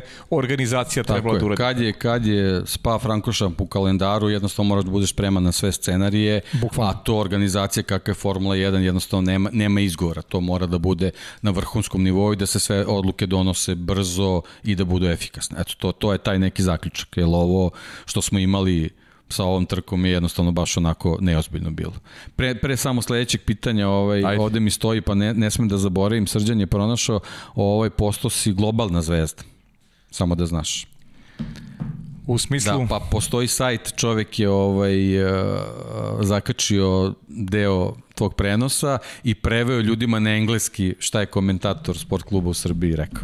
A, Tako da znaš. Znači, Tako da to sad već se otelo kontroli. Sad. Znači sad sam znači, da. otišao. Znači sad će pa da me zove, verovatno. Ja mislim da. da sad već ugovor za sledeću godinu sa Srđanom za podcast moraš nekako da definišeš. Znači, Ovo ne, ne može ovako da se završi. Znači, ma, majice definitivno ovaj, samo šatrovački ćemo da napišemo. Dobro, užas. Nije baš da se radujem tome, ali ajde šta ti kažem. Gotovo, otišlo u etar i nema više ovaj... Uh, Deki Andrić, da li treba promene pravilo FIA da je, je, je Formula 1 dovedu organizatori koji, koji organizuju trku da moraju da imaju glavni termin nedelja 15 i u slučaju loših vremenskih uslova da imaju rezervni termin ponedeljak recimo 15. Da i TV koji prenose znaju da će ta, da taj termin rezerviš u slučaju loše vreme, lošeg vremena. Pa mislim... Pa to može da bude predlog, ali to je jednostavno, jednostavno stvar njiho, njihove organizacije gde smo videli da to ne postoji, tako da... Da. To je to. Pa mislim, pazite, teško je da, da, da rezervišeš šta ako imamo dva dana ovako, pa ne možeš da voziš ni ponedjeljkom u pet. Tako je, to, to u stvari nisam Prosto, pričali šta da je, tako. možda juče, ne znam, ja nisam pratio ni, vremensku pa, prognozu. Nisam u toj meri pratio. Ako je juče znam bilo da, loše znam vreme, Znam da je bilo naj, najavljeno loše vreme, ali možda negde u prepodnevnim satima, kad ti u suštini, deki, mi smo sva tri dana u tim nekim a pre podnevnih sati mi imali vreme... A ti si već najavljivao, ja sam u subotu čitav dan ispratio, petak sam delimično pratio, ti si već u subotu pričao da u petak bila katastrofa i, jest, jest. i već si spominju najduže trke koje, koje si radio. Da. To ti je greška. Velika greška. da. E, ako ustavi budu na Zandvrtu slični ili isti kao na Spa, da li će po cenu rizika pustiti da se vozi trk? E pa to je problem, to je problem. Ako budu slični uslovi, a može da se desi, jer jednostavno takav je period godine, geografski su, su dve staze jako blizu, nije isključeno da može da bude takav, takva slična situacija. Kako, kako u, u tom slučaju da sad doneseš neku drugu odluku? Jasne. Morat će da bude isto ovako, a to onda apsolutno uništava čitav šampionat, to je, to je katastrofa. Da. A mogu uslovi da budu i mogu i slični da budu, može da, može da, da pada kiša, a već smo pričali, jednostavno konfiguracija sta, staze je takva da uopšte neće biti jednostavna za vožnje. Tako da... Ovo je Dekivo do, dobro pitanje. Kaže, ako istina da je Russell umjesto Bottasa, Hamilton ga ne želi, kakav mislite da će biti odnos na relaciji Hamilton-Russell i Hamilton-Mercedes?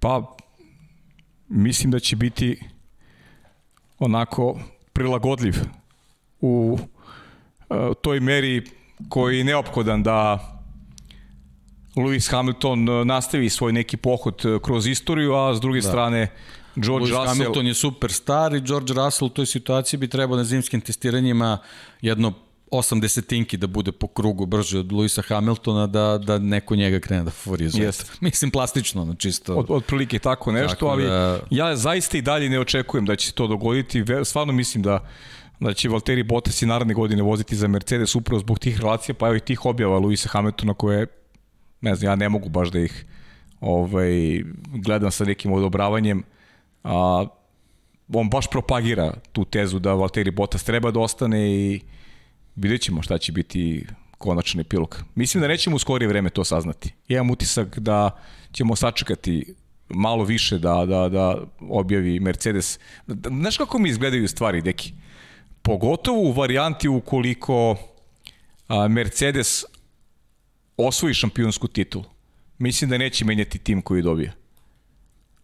Koliko Red Bull ipak napravi neko, neko čudo i ove godine uh, dođe do šampionata, e onda a, mislim da će Toto Wolff i ekipa da povuku potez da eto nešto se nešto se u ekipi menja. Pa, zato što da nađemo rekli, ovo, ovo je sad ključan, ključni period, da smo imali trku u Belgiji, da, smo, da imamo Zandvort kak, kakav trebamo da imamo, ono tradicionalno, oko, oko Monce se e, dobijaju informacije zvanične vezane za transfere, tako da mislim da bi se to i, i u ovom slučaju desilo, međutim sad može da se desi neko, neko prolongiranje, ali ja nekako verujem da ćemo ipak ono tradicionalno oko Da. Monce dobiti dobiti sve odgovore. Jel e, mislim da je neko i u- četu spomenuo, izvinjavam se, nis- nisam video ime, ovaj Red Bull pokušava da nađe mesto za Albona. Ipak osjećaju da da su ga možda prelako i otpustili, možda nisu bili preve, pravedni prema njemu i sad pokušavaju, pokušavaju da mu nađu poziciju, a kroz, kroz neke priče koje smo čuli, jedino realno mesto je za njega u Williamsu. S obzirom da, da Latifi je sve čvršći i čvršći da. Sa svojom pozicijom, njemu je mesto u Williamsu samo u slučaju da George Russell eventualno ode. Ali ko će onda biti prvi vozač, vo- vozač Williamsa u novoj eri gde oni moraju da imaju lidera koji će da nosi čitavu priču? Latifi, ne verujem da mo, može da bude vozač broj 1, Albon kao neko koji je tek došao u ekipu koji tek treba se uklopi, a pritom nije neka specijalna zvezda, mislim, ruku, ruku na srce, to malo ne, del, ne liči mi na Josta Kapita kao neka kombinacija koja je onako realna. Tako da, nadam se da će ta, Mon, ta Monca, to je taj trkački vikend onko Monce, tu nam doneti ne, neke ovaj malo jasnije situacije da i mi u stvari možemo da vidimo šta nas čeka sledeće sezone. Da, kaže Alex Albon da je, da je bliži opciji odlaska u IndyCar da pokušava ekipa Red Bulla da mu nađe neko uhlebljenje za narednu godinu, ali da je u suštini opcija sa IndyCarom najrealnija. Ali ajde, o tom potom pratit ćemo šta se dešava. Andrija Marković kaže, mislili da bi Max ili neko od mladih perspektivnih vozača mogli da pariraju Seni Mensilu i staroj gardi vozača. Veliki pozdrav iz Topole za sve u studiju. Hvala Andrija. Pa mislim, Andrija, ono, ja ne volim da poredim vremena i, i da prosto to je odgovor na pitanje koje je zaista ne bih ovaj, da, da ne mogu da ponudim. Za mene je Sena najbolji svih vremena i svaka generacija ima svoje junake i to sam rekao milion puta. Nisam od onih koji će kaže, e, u moje vreme je bilo bolje, oni su bili najbolji svako vreme ima svoje junake, svako vreme ima neke super heroje, tako da živim u ovom vremenu i treba da poštem ove momke koji danas voze, a kakvi bi oni bili odmeravanju snaga sa nekim starim legendama, to nikad nećemo saznati i zaista je iz, moje, iz mog ugla glupo čak i polemisati na tu temu.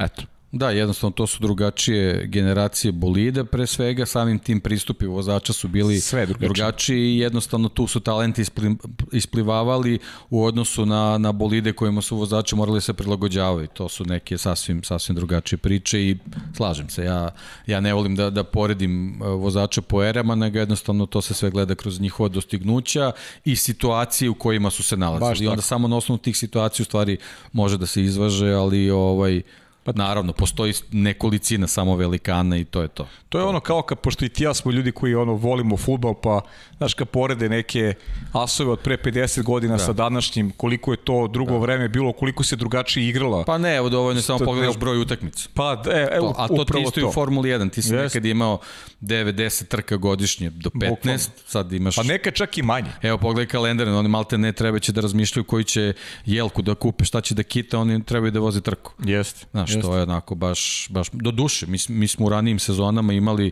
vozile su se trke 1. 2. 3. januara, ima i toga, Da. tako da pričat ćemo to u nekim, nekim drugim prilikama. Dejan, aha, Dejan samo pozdravlja ekipu, pa pravo ti kažem nešto, ove, ove nedelje Da.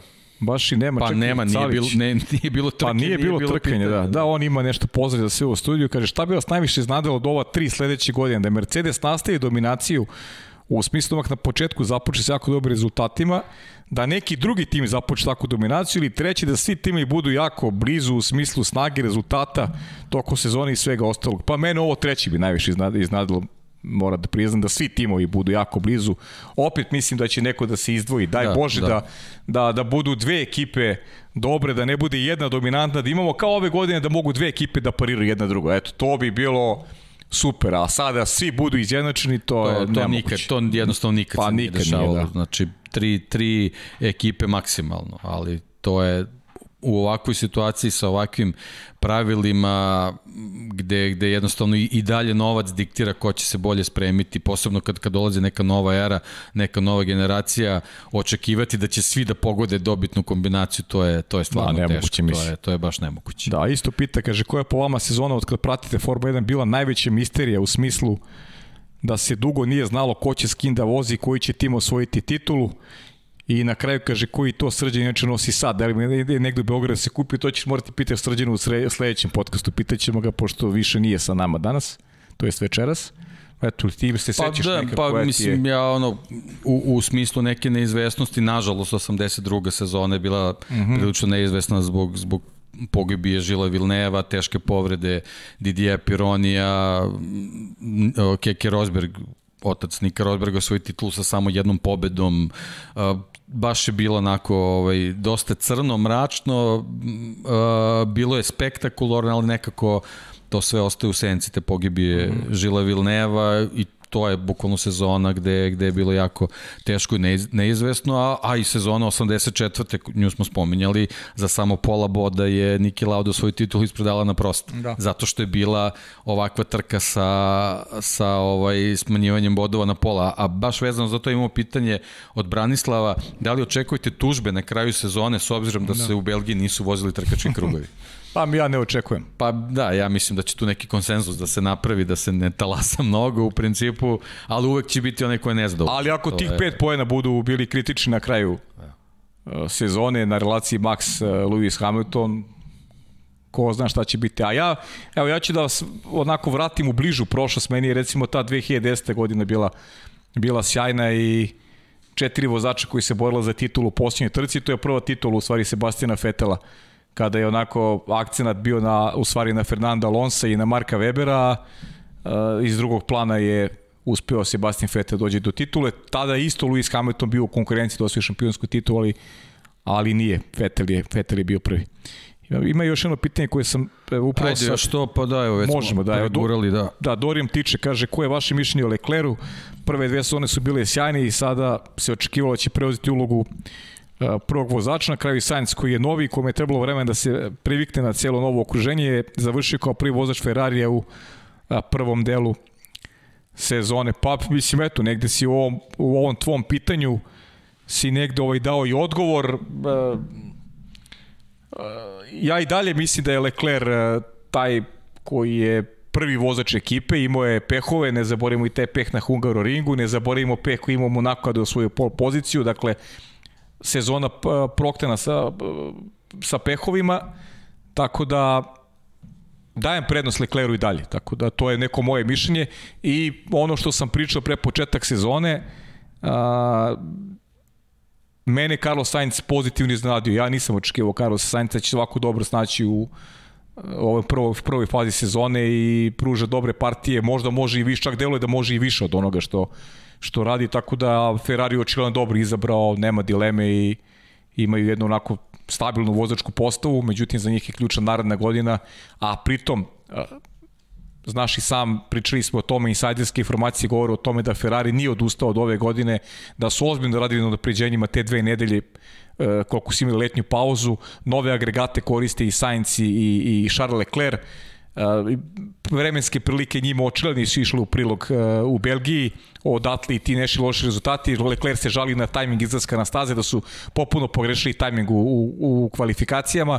Pa ajde vidimo u Holandu da li će to da bude bolje. Da, i ja bi se samo nadovezao, mislim, to se generalno provlači kroz celu istoriju Ferrarija, znamo da su oni od početka u Formuli 1. U, For, u Ferrariju nije dovoljno biti samo dobar vozač. Ferrari, u Ferrari zahteva vozača koji će kao što je to Schumacher radio, uspeti da okupi tim oko sebe i, i da natera kompletan Ferrari da, da se podigne i da radi za njega. Jednostavno, to je takva atmosfera tamo i nije dovoljno doći i to, to je o, najbolje Sebastian Vettel u najnovije vreme iskusio pre njega i Fernando Alonso. Znači, vozačke sposobnosti nisu, nisu samo ovaj, bitne tamo i nisu jedini faktor koji može biti ključan za uspeh. Za Ferrari moraš jednostavno da budeš kompletan, kompletna, kompletna ličnost koja će da se uključi u čitavu tu mašineriju, da pre svega razume kako to sve funkcioniše, a onda to kreće na, na neke bolje i uzlazne putanje, pri tom to se nikad ne desi odmah. Ne, ne može preko noći, ne može u jednoj sezoni. Obojica sad imaju odličnu šansu zato što kreće nova generacija bolida i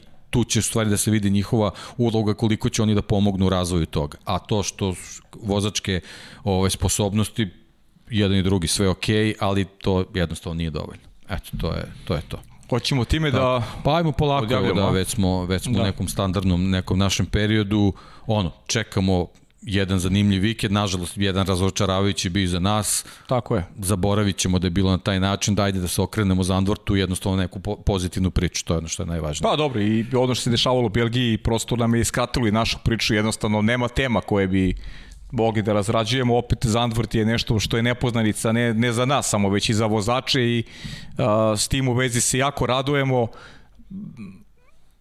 jedna lepa trka, verujemo najavi da ćemo konačno uživati, da ćemo konačno videti kakav je odnos snaga između Red Bulla i Mercedesa i da vidimo šta su timovi, koliko su uradili tokom te letnje pauze, da li će neko napraviti iznenađenje u rangu Williamsa koje je zaista bilo senzacionalno u promenljivim vremenskim uslovima kvalifikacijama, ali da vidimo kako izgleda odnos snaga i između McLarena Ferrarija, šta može Alpina, šta može Aston Martin. Ja zaista očekujem da vidimo nešto što ćemo dugo pamtiti, ali po dobrom i da ćemo utorak imati osmehe na licu da. kada budemo prepričavali sve ono što se dešava tokom trkačkog vikenda. za trku i za Zandvor. Tako je, a imamo naravno i Formulu W za vikend, imamo i Formulu 3 i Porsche Super Cup, dakle sve ono što je bilo kompletan prethodno, program, da. kompletan da. program nas čeka kao i prethodnog vikenda. Super. Hoćeš ti da, da, pa, da odjaviš? Ti, pa nema šta, mislim, slobodno. eto jednostavno ovaj, uh, vezani su vikendi, ima, ima dosta toga, ovaj, dosta dešavanja, potrudit ćemo se sve da ispratimo, ovaj, ništa, budite, budite sa Pajom, budite sa Srđanom na, na sport klubu. Tako je, budite sa Pajom, da. Srđanom i sa Dekijem da, u podcastu, u sledeće, a da. u četvrtak... Da, ne smo zaboraviti u četvrtak uh, podcast uh, Moto Grand Prix, Srđan će biti tu, uh, imali smo jako zanimljivu trku na Silverstonu, to moramo da ispratimo, tako da, ovo, eto, vidimo se, Bogat vidimo se uskoro, bogati sadržaj, odmorite, odmorite se, uživajte, mazite se, pazite, pazite se, kako pazite. to Srke kaže. E, ja samo da kažem, da. ja i ove nedelje još pravim pauzu u podcastu pod kapicom, da ako sledeće nedelje se vraćamo Sara i ja, tako da eto, odmor nam traje dve nedelje, malo i igrači odmaraju i svi odmaraju, tako da Vaterpola nema do sledeće nedelje, eto. To je Dobro, poruka super. za one koji to prati. Da, možemo da kažemo lako noć, ali nećemo, reći ćemo... Ne, Ćao, Ćao svima. svima.